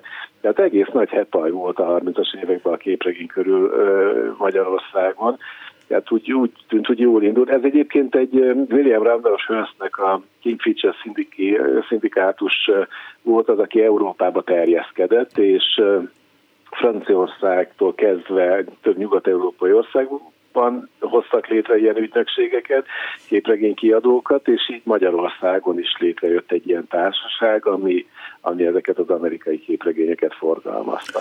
Azt Tehát értem. ez mondani, egy nagy uh-huh. időszak volt, és tulajdonképpen a második világháború vetett neki véget. Azt értem, hogy 1945 után amerikai dolgokat nem nagyon lehet itt, itt a szovjet blokk országaiban tolni, vagy Magyarországon népszerűsíteni, ugye, hogy 1957-ben indult talán a Fülessel, amikor elkezdtek megjelenni képregények, de mondjuk az akkori hatalom, a, a komcsis, vagy mondjuk a, a szovjetes, az miért nem fedezte fel a képregényben rejlő lehetőségeket. Nem vagyok benne biztos, hogy Lenin élete eh, képregényben az, eh, az érdekes lett volna, de mondjuk Stalin rémtetteiből nyilván lehetett volna csinálni valamit, de most vicceltem természetesen felhasználta politikai propaganda célokra. Uh-huh. Tehát gyakorlatilag rengeteg olyan képregény volt az 50-es években, ami képaláírásos történet volt. Szulvorikot azért nem raktak bele, mert hogy azzal lehetett azonosítani, mint amerikai termék. Uh-huh. De hogyha nem szulvorik volt benne, hanem csak ilyen képsorozat, képaláírásokkal, akkor az olyan kis képes történet volt.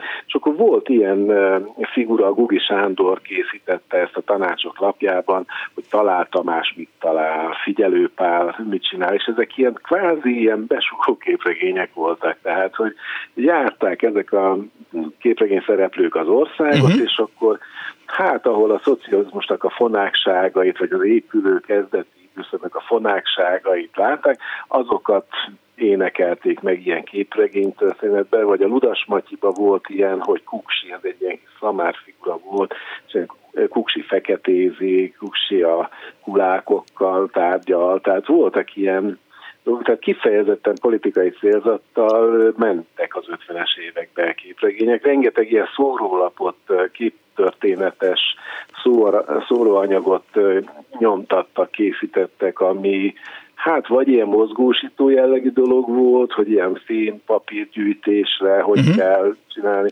akkor inkább voltak ilyen uszító jellegű dolgok, a kulákok elleni dolgok, a begyűjtéssel kapcsolatos ilyen elítélő, amiben mindig úgy az jött ki, hogy ezek a, a kulákok, ezek micsoda nagy az emberek, és hogy akkor ezt úgy lehet megállítani. Tehát ezt nagyon jól használták egészen 55-ig ezeket a ezt a kifejezési formát ilyen propaganda célokra. És 57 eh, után jött egy párthatározat, hogy oké, okay, eh, engedjünk eh, szabadutat a képregényeknek? Gyakorlatilag igen, sokáig, mikor én a képregény történet elkezdtem foglalkozni, azt tényleg azt néztem, hogy 56-ban még alig-alig van kép uh-huh. történet, és 57. január mondjam azt, hogy elsőjétől pedig ilyen klasszikus, szubbuborékos képregények tömkelege, akkor indul a pajtás gyerekújság, a magyar ifjúság, ilyen középiskolásoknak való lap, aztán a kisdoboz újság, a Füles akkor indul, meg képes újság, majd mondjuk az 63-ban, és akkor én ezt nem értettem, hogy miért van az, hogy egyik pillanatra másikra egy elindul, és akkor Tiszai Laci bácsit kerestem, a, a Füles egykori főszerkesztőjét, és akkor ő mondta, hogy ez politikai utasítás volt mindent közölhetnek az újságokban, ami eltereli a figyelmet a napi politikáról. Hm. És ebbe beletartozott a képregény is. Egyetlen egy trükkje volt a képregénynek, hogy mivel akkoriban még hétről hétre készültek a, a történetek, tehát nem úgy volt, hogy egy rajzoló meg egy író elkészít egy komplet képregényt 40 oldalt és leadja a szerkesztőségnek, hanem ahogy rajzolta, minden héten vitte be az aktuálisan megjelenő hm. egy vagy két oldalt a rajzoló, nem lehetett tudni azt, hogy milyen irányt vesz a történet. Aha.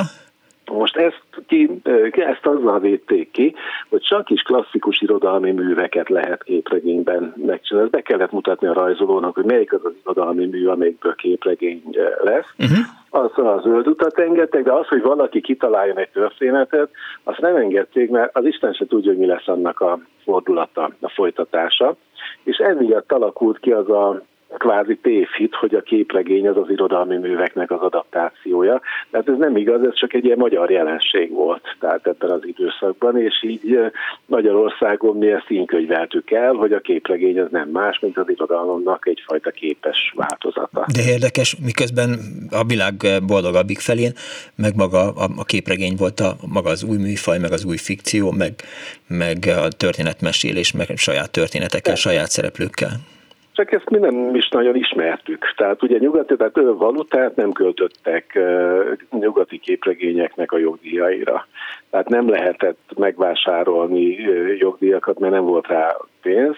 Egyedül a franciákkal sikerült egy ilyen hogy mondjam, bar, hát nem is barter, mert nem volt ennek barter része, hanem csak egy ilyen beleegyezés, hogy a francia kommunista párt lapjának, a Lumanitének a gyereklapja volt a, a, a Weiland magazin, ami később PIF magazin néven futott, és itt jártak össze az elvtársak, tehát a magyar ö, ö, politikai küldöttség ment Franciaországba, franciák jöttek Magyarországra, uh-huh. és akkor ezeket ilyen kvázi lefedve, ugye a franciák beleegyeztek abba, hogy a PIF újságból nyugodtan átvehetnek a magyarok közlésre történeteket, nem kell érte fizetni és ez volt az egyetlen ilyen hely, ahonnan nyugatról bekerülhetett. Így jött ez a már említett Justice, a Rahan, az Okada, a PIF történetek, Artur, aki szellem, tehát ezek lettek így népszerűek, de ezek csak ezért jelenhettek meg Magyarországon, nem kellett érte egy figyelt se fizetni.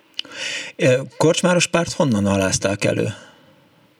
Kosztáros Pál az egy olyan rajzoló, tehát ő Igen. tulajdonképpen ilyen fali újságokra rajzolt ő, ilyen kis karikatúrákat, ő olyan újságíró növendék volt, és tulajdonképpen bejárt a sajtóba. Tehát egy nagyon szerencsés időszak volt egyébként ez az 55-56-os év, mert ezt az egészet, hogy, hogy kép, tehát hogy kép regények készüljenek irodalmi művekből, ezt a Gugi Sándor találta ki.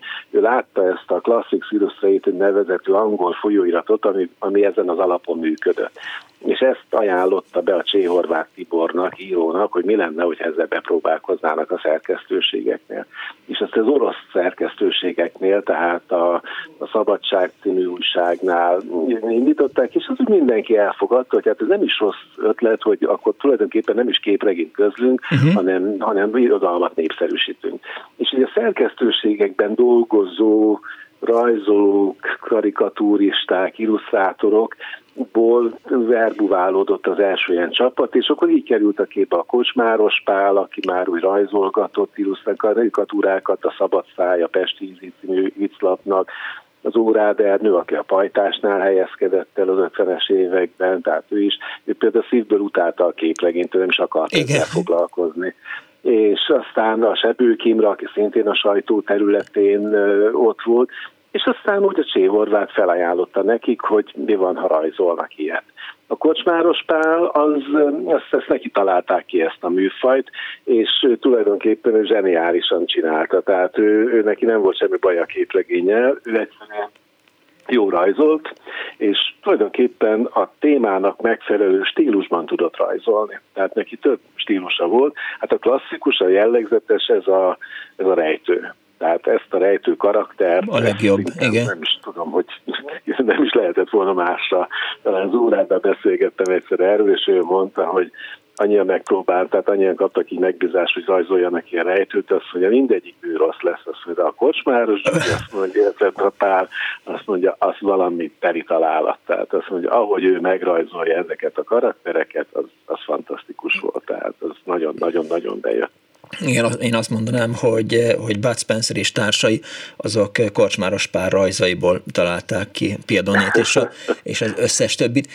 A Fülesnél kidöntött arról, hogy, hogy mely irodalmi művek kerülnek kép, megképrégényesítésre, jó szó volt. Tulajdonképpen a Cséhorvát Tibor ment végig a szerkesztőségeken, ő lett a menedzsere ennek az egésznek, uh-huh és őt ezt elfogadták a szerkesztőségek azzal, hogy akkor a Csiorvát Tibor intézi a képregényeket. Tehát a szerkesztőség ilyen formában nem is foglalkozott vele, és Tibor találta ki, hogy tehát ő ismerve a politikai széljárást, ajánlotta fel azokat a témákat a szerkesztőségnek, hogy akkor miket rajzolnak, és akkor ezt be is osztotta, hogy a humorosabb történeteket akkor a Kocsmáros fogja rajzolni, a történelmieket azokat a Zórád Ernő fogja, uh-huh. a karikaturisztikusokat még a Dargai Attila, a Húknak a rajzolója, rajzfilmes, a sebők az ilyen bűnügyi történetek, tehát hogy szépen felosztotta így a rajzolókat, és akkor a főszerkesztővel elfogadtatta, hogy akkor melyik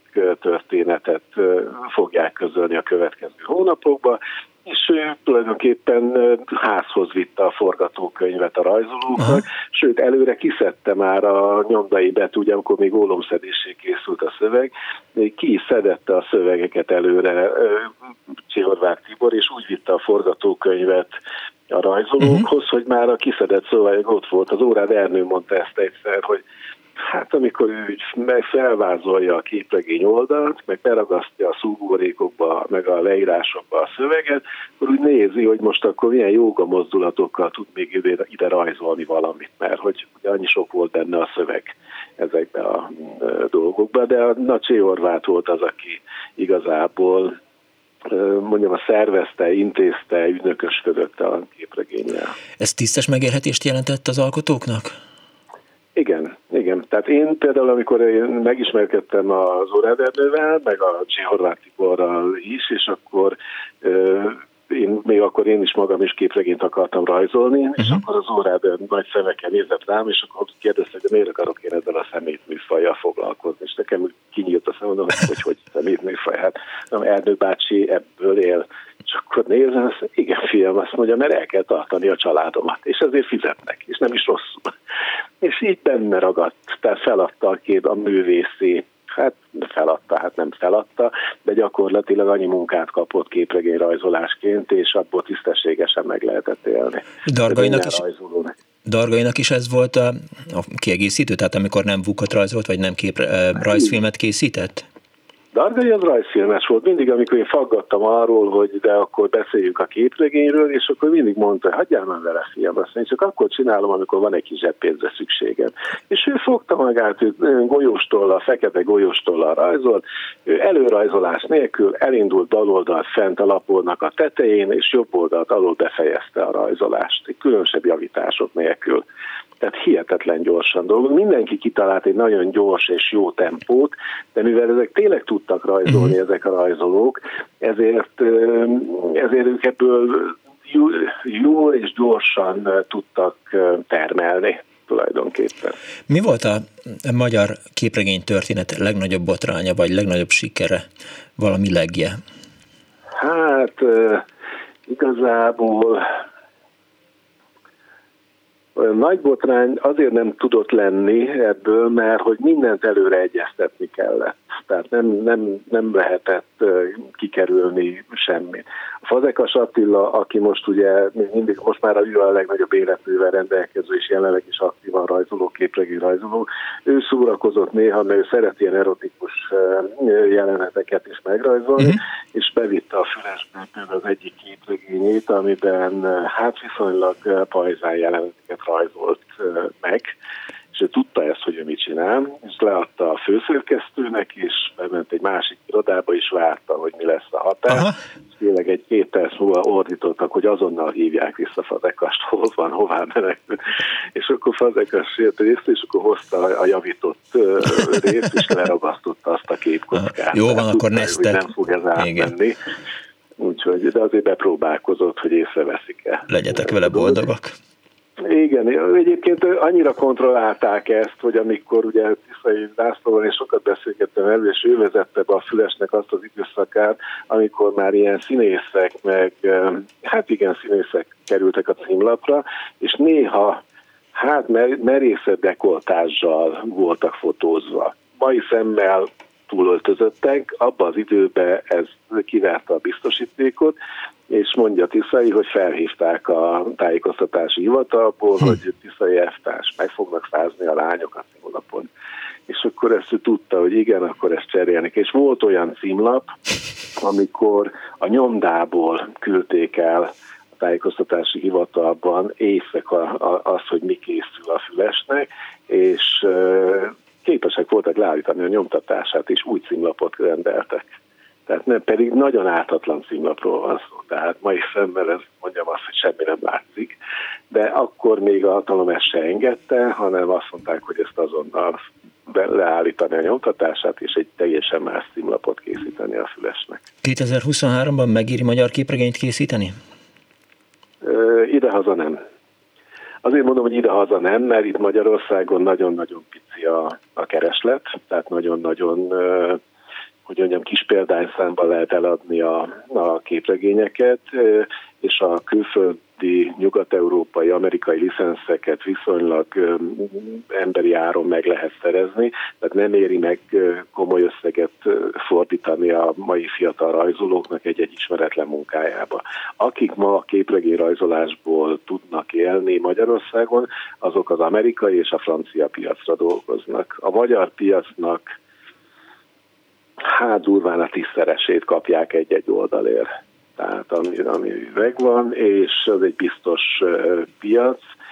Néha, tehát néhányan próbálkoznak idehaza is, akik esetleg néha támogatásból, valamilyen pályázati pénzből, egyéb forrásból megpróbálják megjelentetni a, a képregényeket és, és piacra dobni, de az a néhány rajzoló, aki igazából ebből él és jól rajzol és jól él, azok a francia és az amerikai piacra gyártják a képregényeiket. Kertész Sándor, nagyon szépen köszönöm, hogy rendelkezésünkre állt.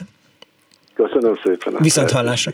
Viszont, viszont hallásra. 24 06 95 3, 24 07 95 3, SMS-ben 06 30 30 30 95 3, Miklós, te SMS-t falsz, eh, akkor értem, hogy miért esik jobban a Viber, szórakozik az egyik hallgató. Egy másik hallgató azt írja, Julika mini képregény, a fülest minden héten megvettem, egy másik hallgató azt írja, hello, a névtelen vár, a Lőcsei Fehér Asszony annó jelent meg A4-es formátumban is, az előbbit Zórádernő, utóbbit Korcsmáros pár rajzolta, ez 2021-ben újra megjelent, ja, a megjelent, oké, tehát eh, sporolt eh, a karakterekkel a hallgató, és már az előbb is az annó megjelennél, a plusz azért volt ott, mert hogy azt írta, hogy megjelent, oké, sikerült eh, dekódolnom az üzenetet. Tehát megjelent digitálisan felütött rajzokkal írta Dóra. Hello, a gumibogyőször, SMS, a gumimacik itala volt, de az nem képregény, azt hiszem. Az Asterix a druida varázsitalát itta, amúgy Alberto Uderzo rajzolta, akit imádtam a franciák állati jó képregényeiben is, írta az egyik hallgató SMS-ben a 0630 30 30 95 3-ra, és egy betelefonáló van a túlsó végén. Jó napot kívánok! Szép jó napot kívánok, Csókárpár! Üdve! Jó napot kívánok! Sok minden eszembe jutott. Hát gyermekkoromban édesanyám Rácskövén laktunk, és járt Budapest továbbképzésre, és mindig hozott képregényeket mint a Hulkról, Supermanről, uh-huh. meg Tiff és Herkulesről szóló újság. Mm, ezek nyilván külföldiül voltak leírva, de a képek azok nagyon jók voltak. És ezeket gyakran nyálasztuk át, és emlékszem még, hogy volt, most azt nem tudom, hogy képregénynek lehet nevezni, de ilyen alakra vágott kiadványok magyarul, Sebaj Tóbiásról, Birmúról, meg a Kandúrról, uh-huh. ami tényleg így a mesefigura alapjára ki volt nyírva, és így lehetett venni az újságárusnál. Nem tudom, ez megvan Hát nyilván megvan a hallgatóknak, de, de nekem nincsen de, de valóban, hát valamiért a, a, én és a képregény az, az, az valahogy nem kerültünk annyira közel sohasem egymáshoz. De például Aha. ugye szóba került, amikor a műsorról beszélgettünk tegnap a Hugannal, hogy például a volt az Ezermester folyóirat eh, hátulján is eh, állandóan egy képregény, és arra is emlékszem, hogy talán a Népszabadságban is voltak ilyen párkockás eh, képregények. Arra emlékszem, hogy amikor a Blick újság indult 1994-ben, és akkor ott dolgoztam, akkor, akkor a Garfieldet vásároltuk meg, és akkor jelent Aha, meg ugye, a, hogy minden, a, a 16. oldalon mindig volt egy, egy Garfield képregény, három-négy uh-huh. kocka. Uh-huh. És a és Herkules, hát igen, az is hatalmas volt, illetve hát amikor még jártam fodrászhoz, a Ráckevén Jeszenszki Lászlóhoz, két dolgot néztem, volt egy nagy akvárium, Aha. abban volt egy fehér béka, ami minden halat megevett rendszeresen, időről időre, illetve a Ludas Matyit magazin, mert abban voltak jó kis,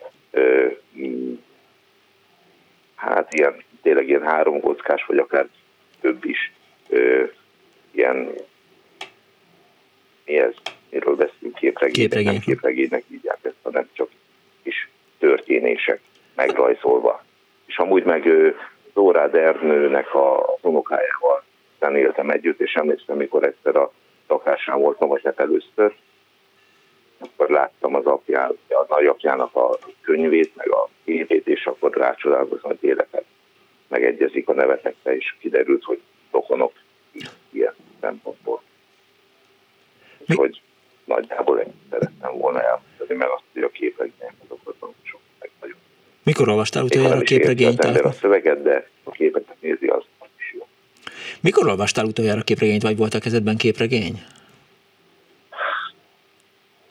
Nagyon rég. Nem emlékszem, hogy mikor volt. Nagyon rég. Nem tudom. Értem. Értem. Nem, csak kérdeztem, az enyémben van egyébként egy, tehát eh, én készültem tanár úr, úgyhogy itt van nálam a Nyugodt Zombik Csepel Oliver képregénye. Köszönöm szépen, hogy hívtál. Na, csodás napot nektek. Viszont hallásra. Szervusz Árpád. Aligó. 24 06 a 24 Azt írja eh, Gábor Bá, hogy ha nem is lenni életéről, de a képes nyelvmester mellékleteként megjelent egy képregényféle Zója a hős partizán lány, talán 1965-ben. Gyuri azt írja, hogy a francia intézet könyvtárában teli képregény könyvekkel, nagy dobozokban artistikus, inkább festők, illusztrátorok munkái, illetve hát Majakovszki szöveges képes tacepókat említi, amikor hallgattuk, illetve beszélgettünk itt az imént Kertész Sándorral arról, hogy hogyan és miképp emelte be az ideológiai harc fegyverzetébe a képregényt az előző fennálló komcsis rendszer. Na, a másik hallgató azt írja, hogy a 80-as években volt Rahan, Herkules, Pif Tarzan képregény, és a Kockás című labban és a Hahotában az első kimondottan gyerekeknek szóló tematikus képregény az a Bobó és Góliát volt, onnan indultak a havi kiadású kimondottan képregény füzetek, aztán jött a Rózsaszín Párduc, a Pókember, Batman és a Superman, az itthon híres Asterix és a Talpresetton magyar nyelvű képregényeket Jugoszláviában adták ki, mai napig gyűjtik őket a rajongók. Megnézem még, hogy ugye Pálinkás volna elküldte a képes rock történetet. Most már a címlapjáról ismerem, tehát majdnem biztos, hogy ha nem is volt meg nekem, de, de biztos, hogy volt a kezemben ez a könyv. Aztán Éva beköszönt a Viberen, és még megemlít az egyik hallgató M8.hu-ról, hogy az Alf képregény az 50 forint volt. Néhány hozzászólás az Facebookról Ert István, a Mozaik külön világ keletnémet képregény volt magyar verzióval. Én miatta tanultam meg németül. A hardcore mozaik fanok máig tízezrek, ha nem százezrek, Hannes Hagen számaira esküsznek 1975-ig, azóta már nem az igazi Hannes Hagen külön történet, hogyan működhetett az NDK-ban szinte önálló vállalkozásként, gyakorlatilag ideológiamentesen milliókat szórakoztatva. Stankovski Miklós írja, hogy ne feledkezzünk meg a Mozaik című képregény újságról. Nem feledkeztünk meg, az többször szóba került, aztán abban volt például Abrax, Brabax és Kalifax, annó 70-es, és megnézem, hogy van-e még hozzászóló a műsorhoz? Felmegyek az Annó Budapest Facebook oldalára. Ha nincs, akkor szép lassan elköszönök önöktől, ha nincsen már telefonálunk, és igen, Pálinkás van még berakta a Népszava 1967-es képregényét, a Vörös Túr. Imre Gábor és Bojcsuk József regénye nyomán Csé Horváth Tibor és Sevők Imre.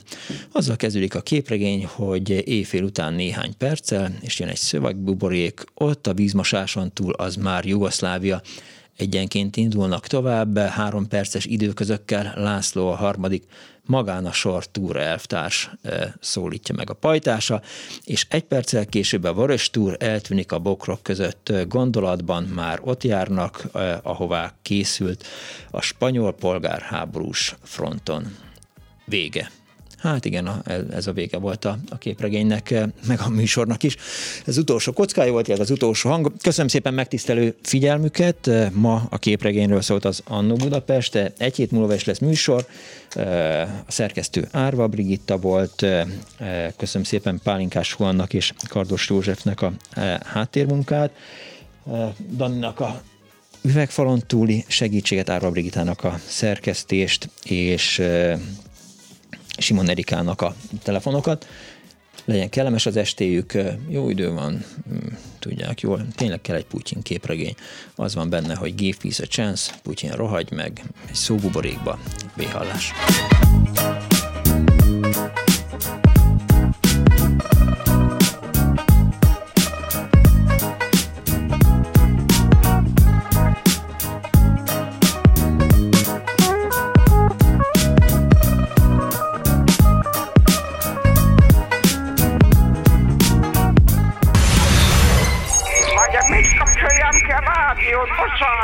Igen, igen, igen. Elnézést. Jó napot kívánok.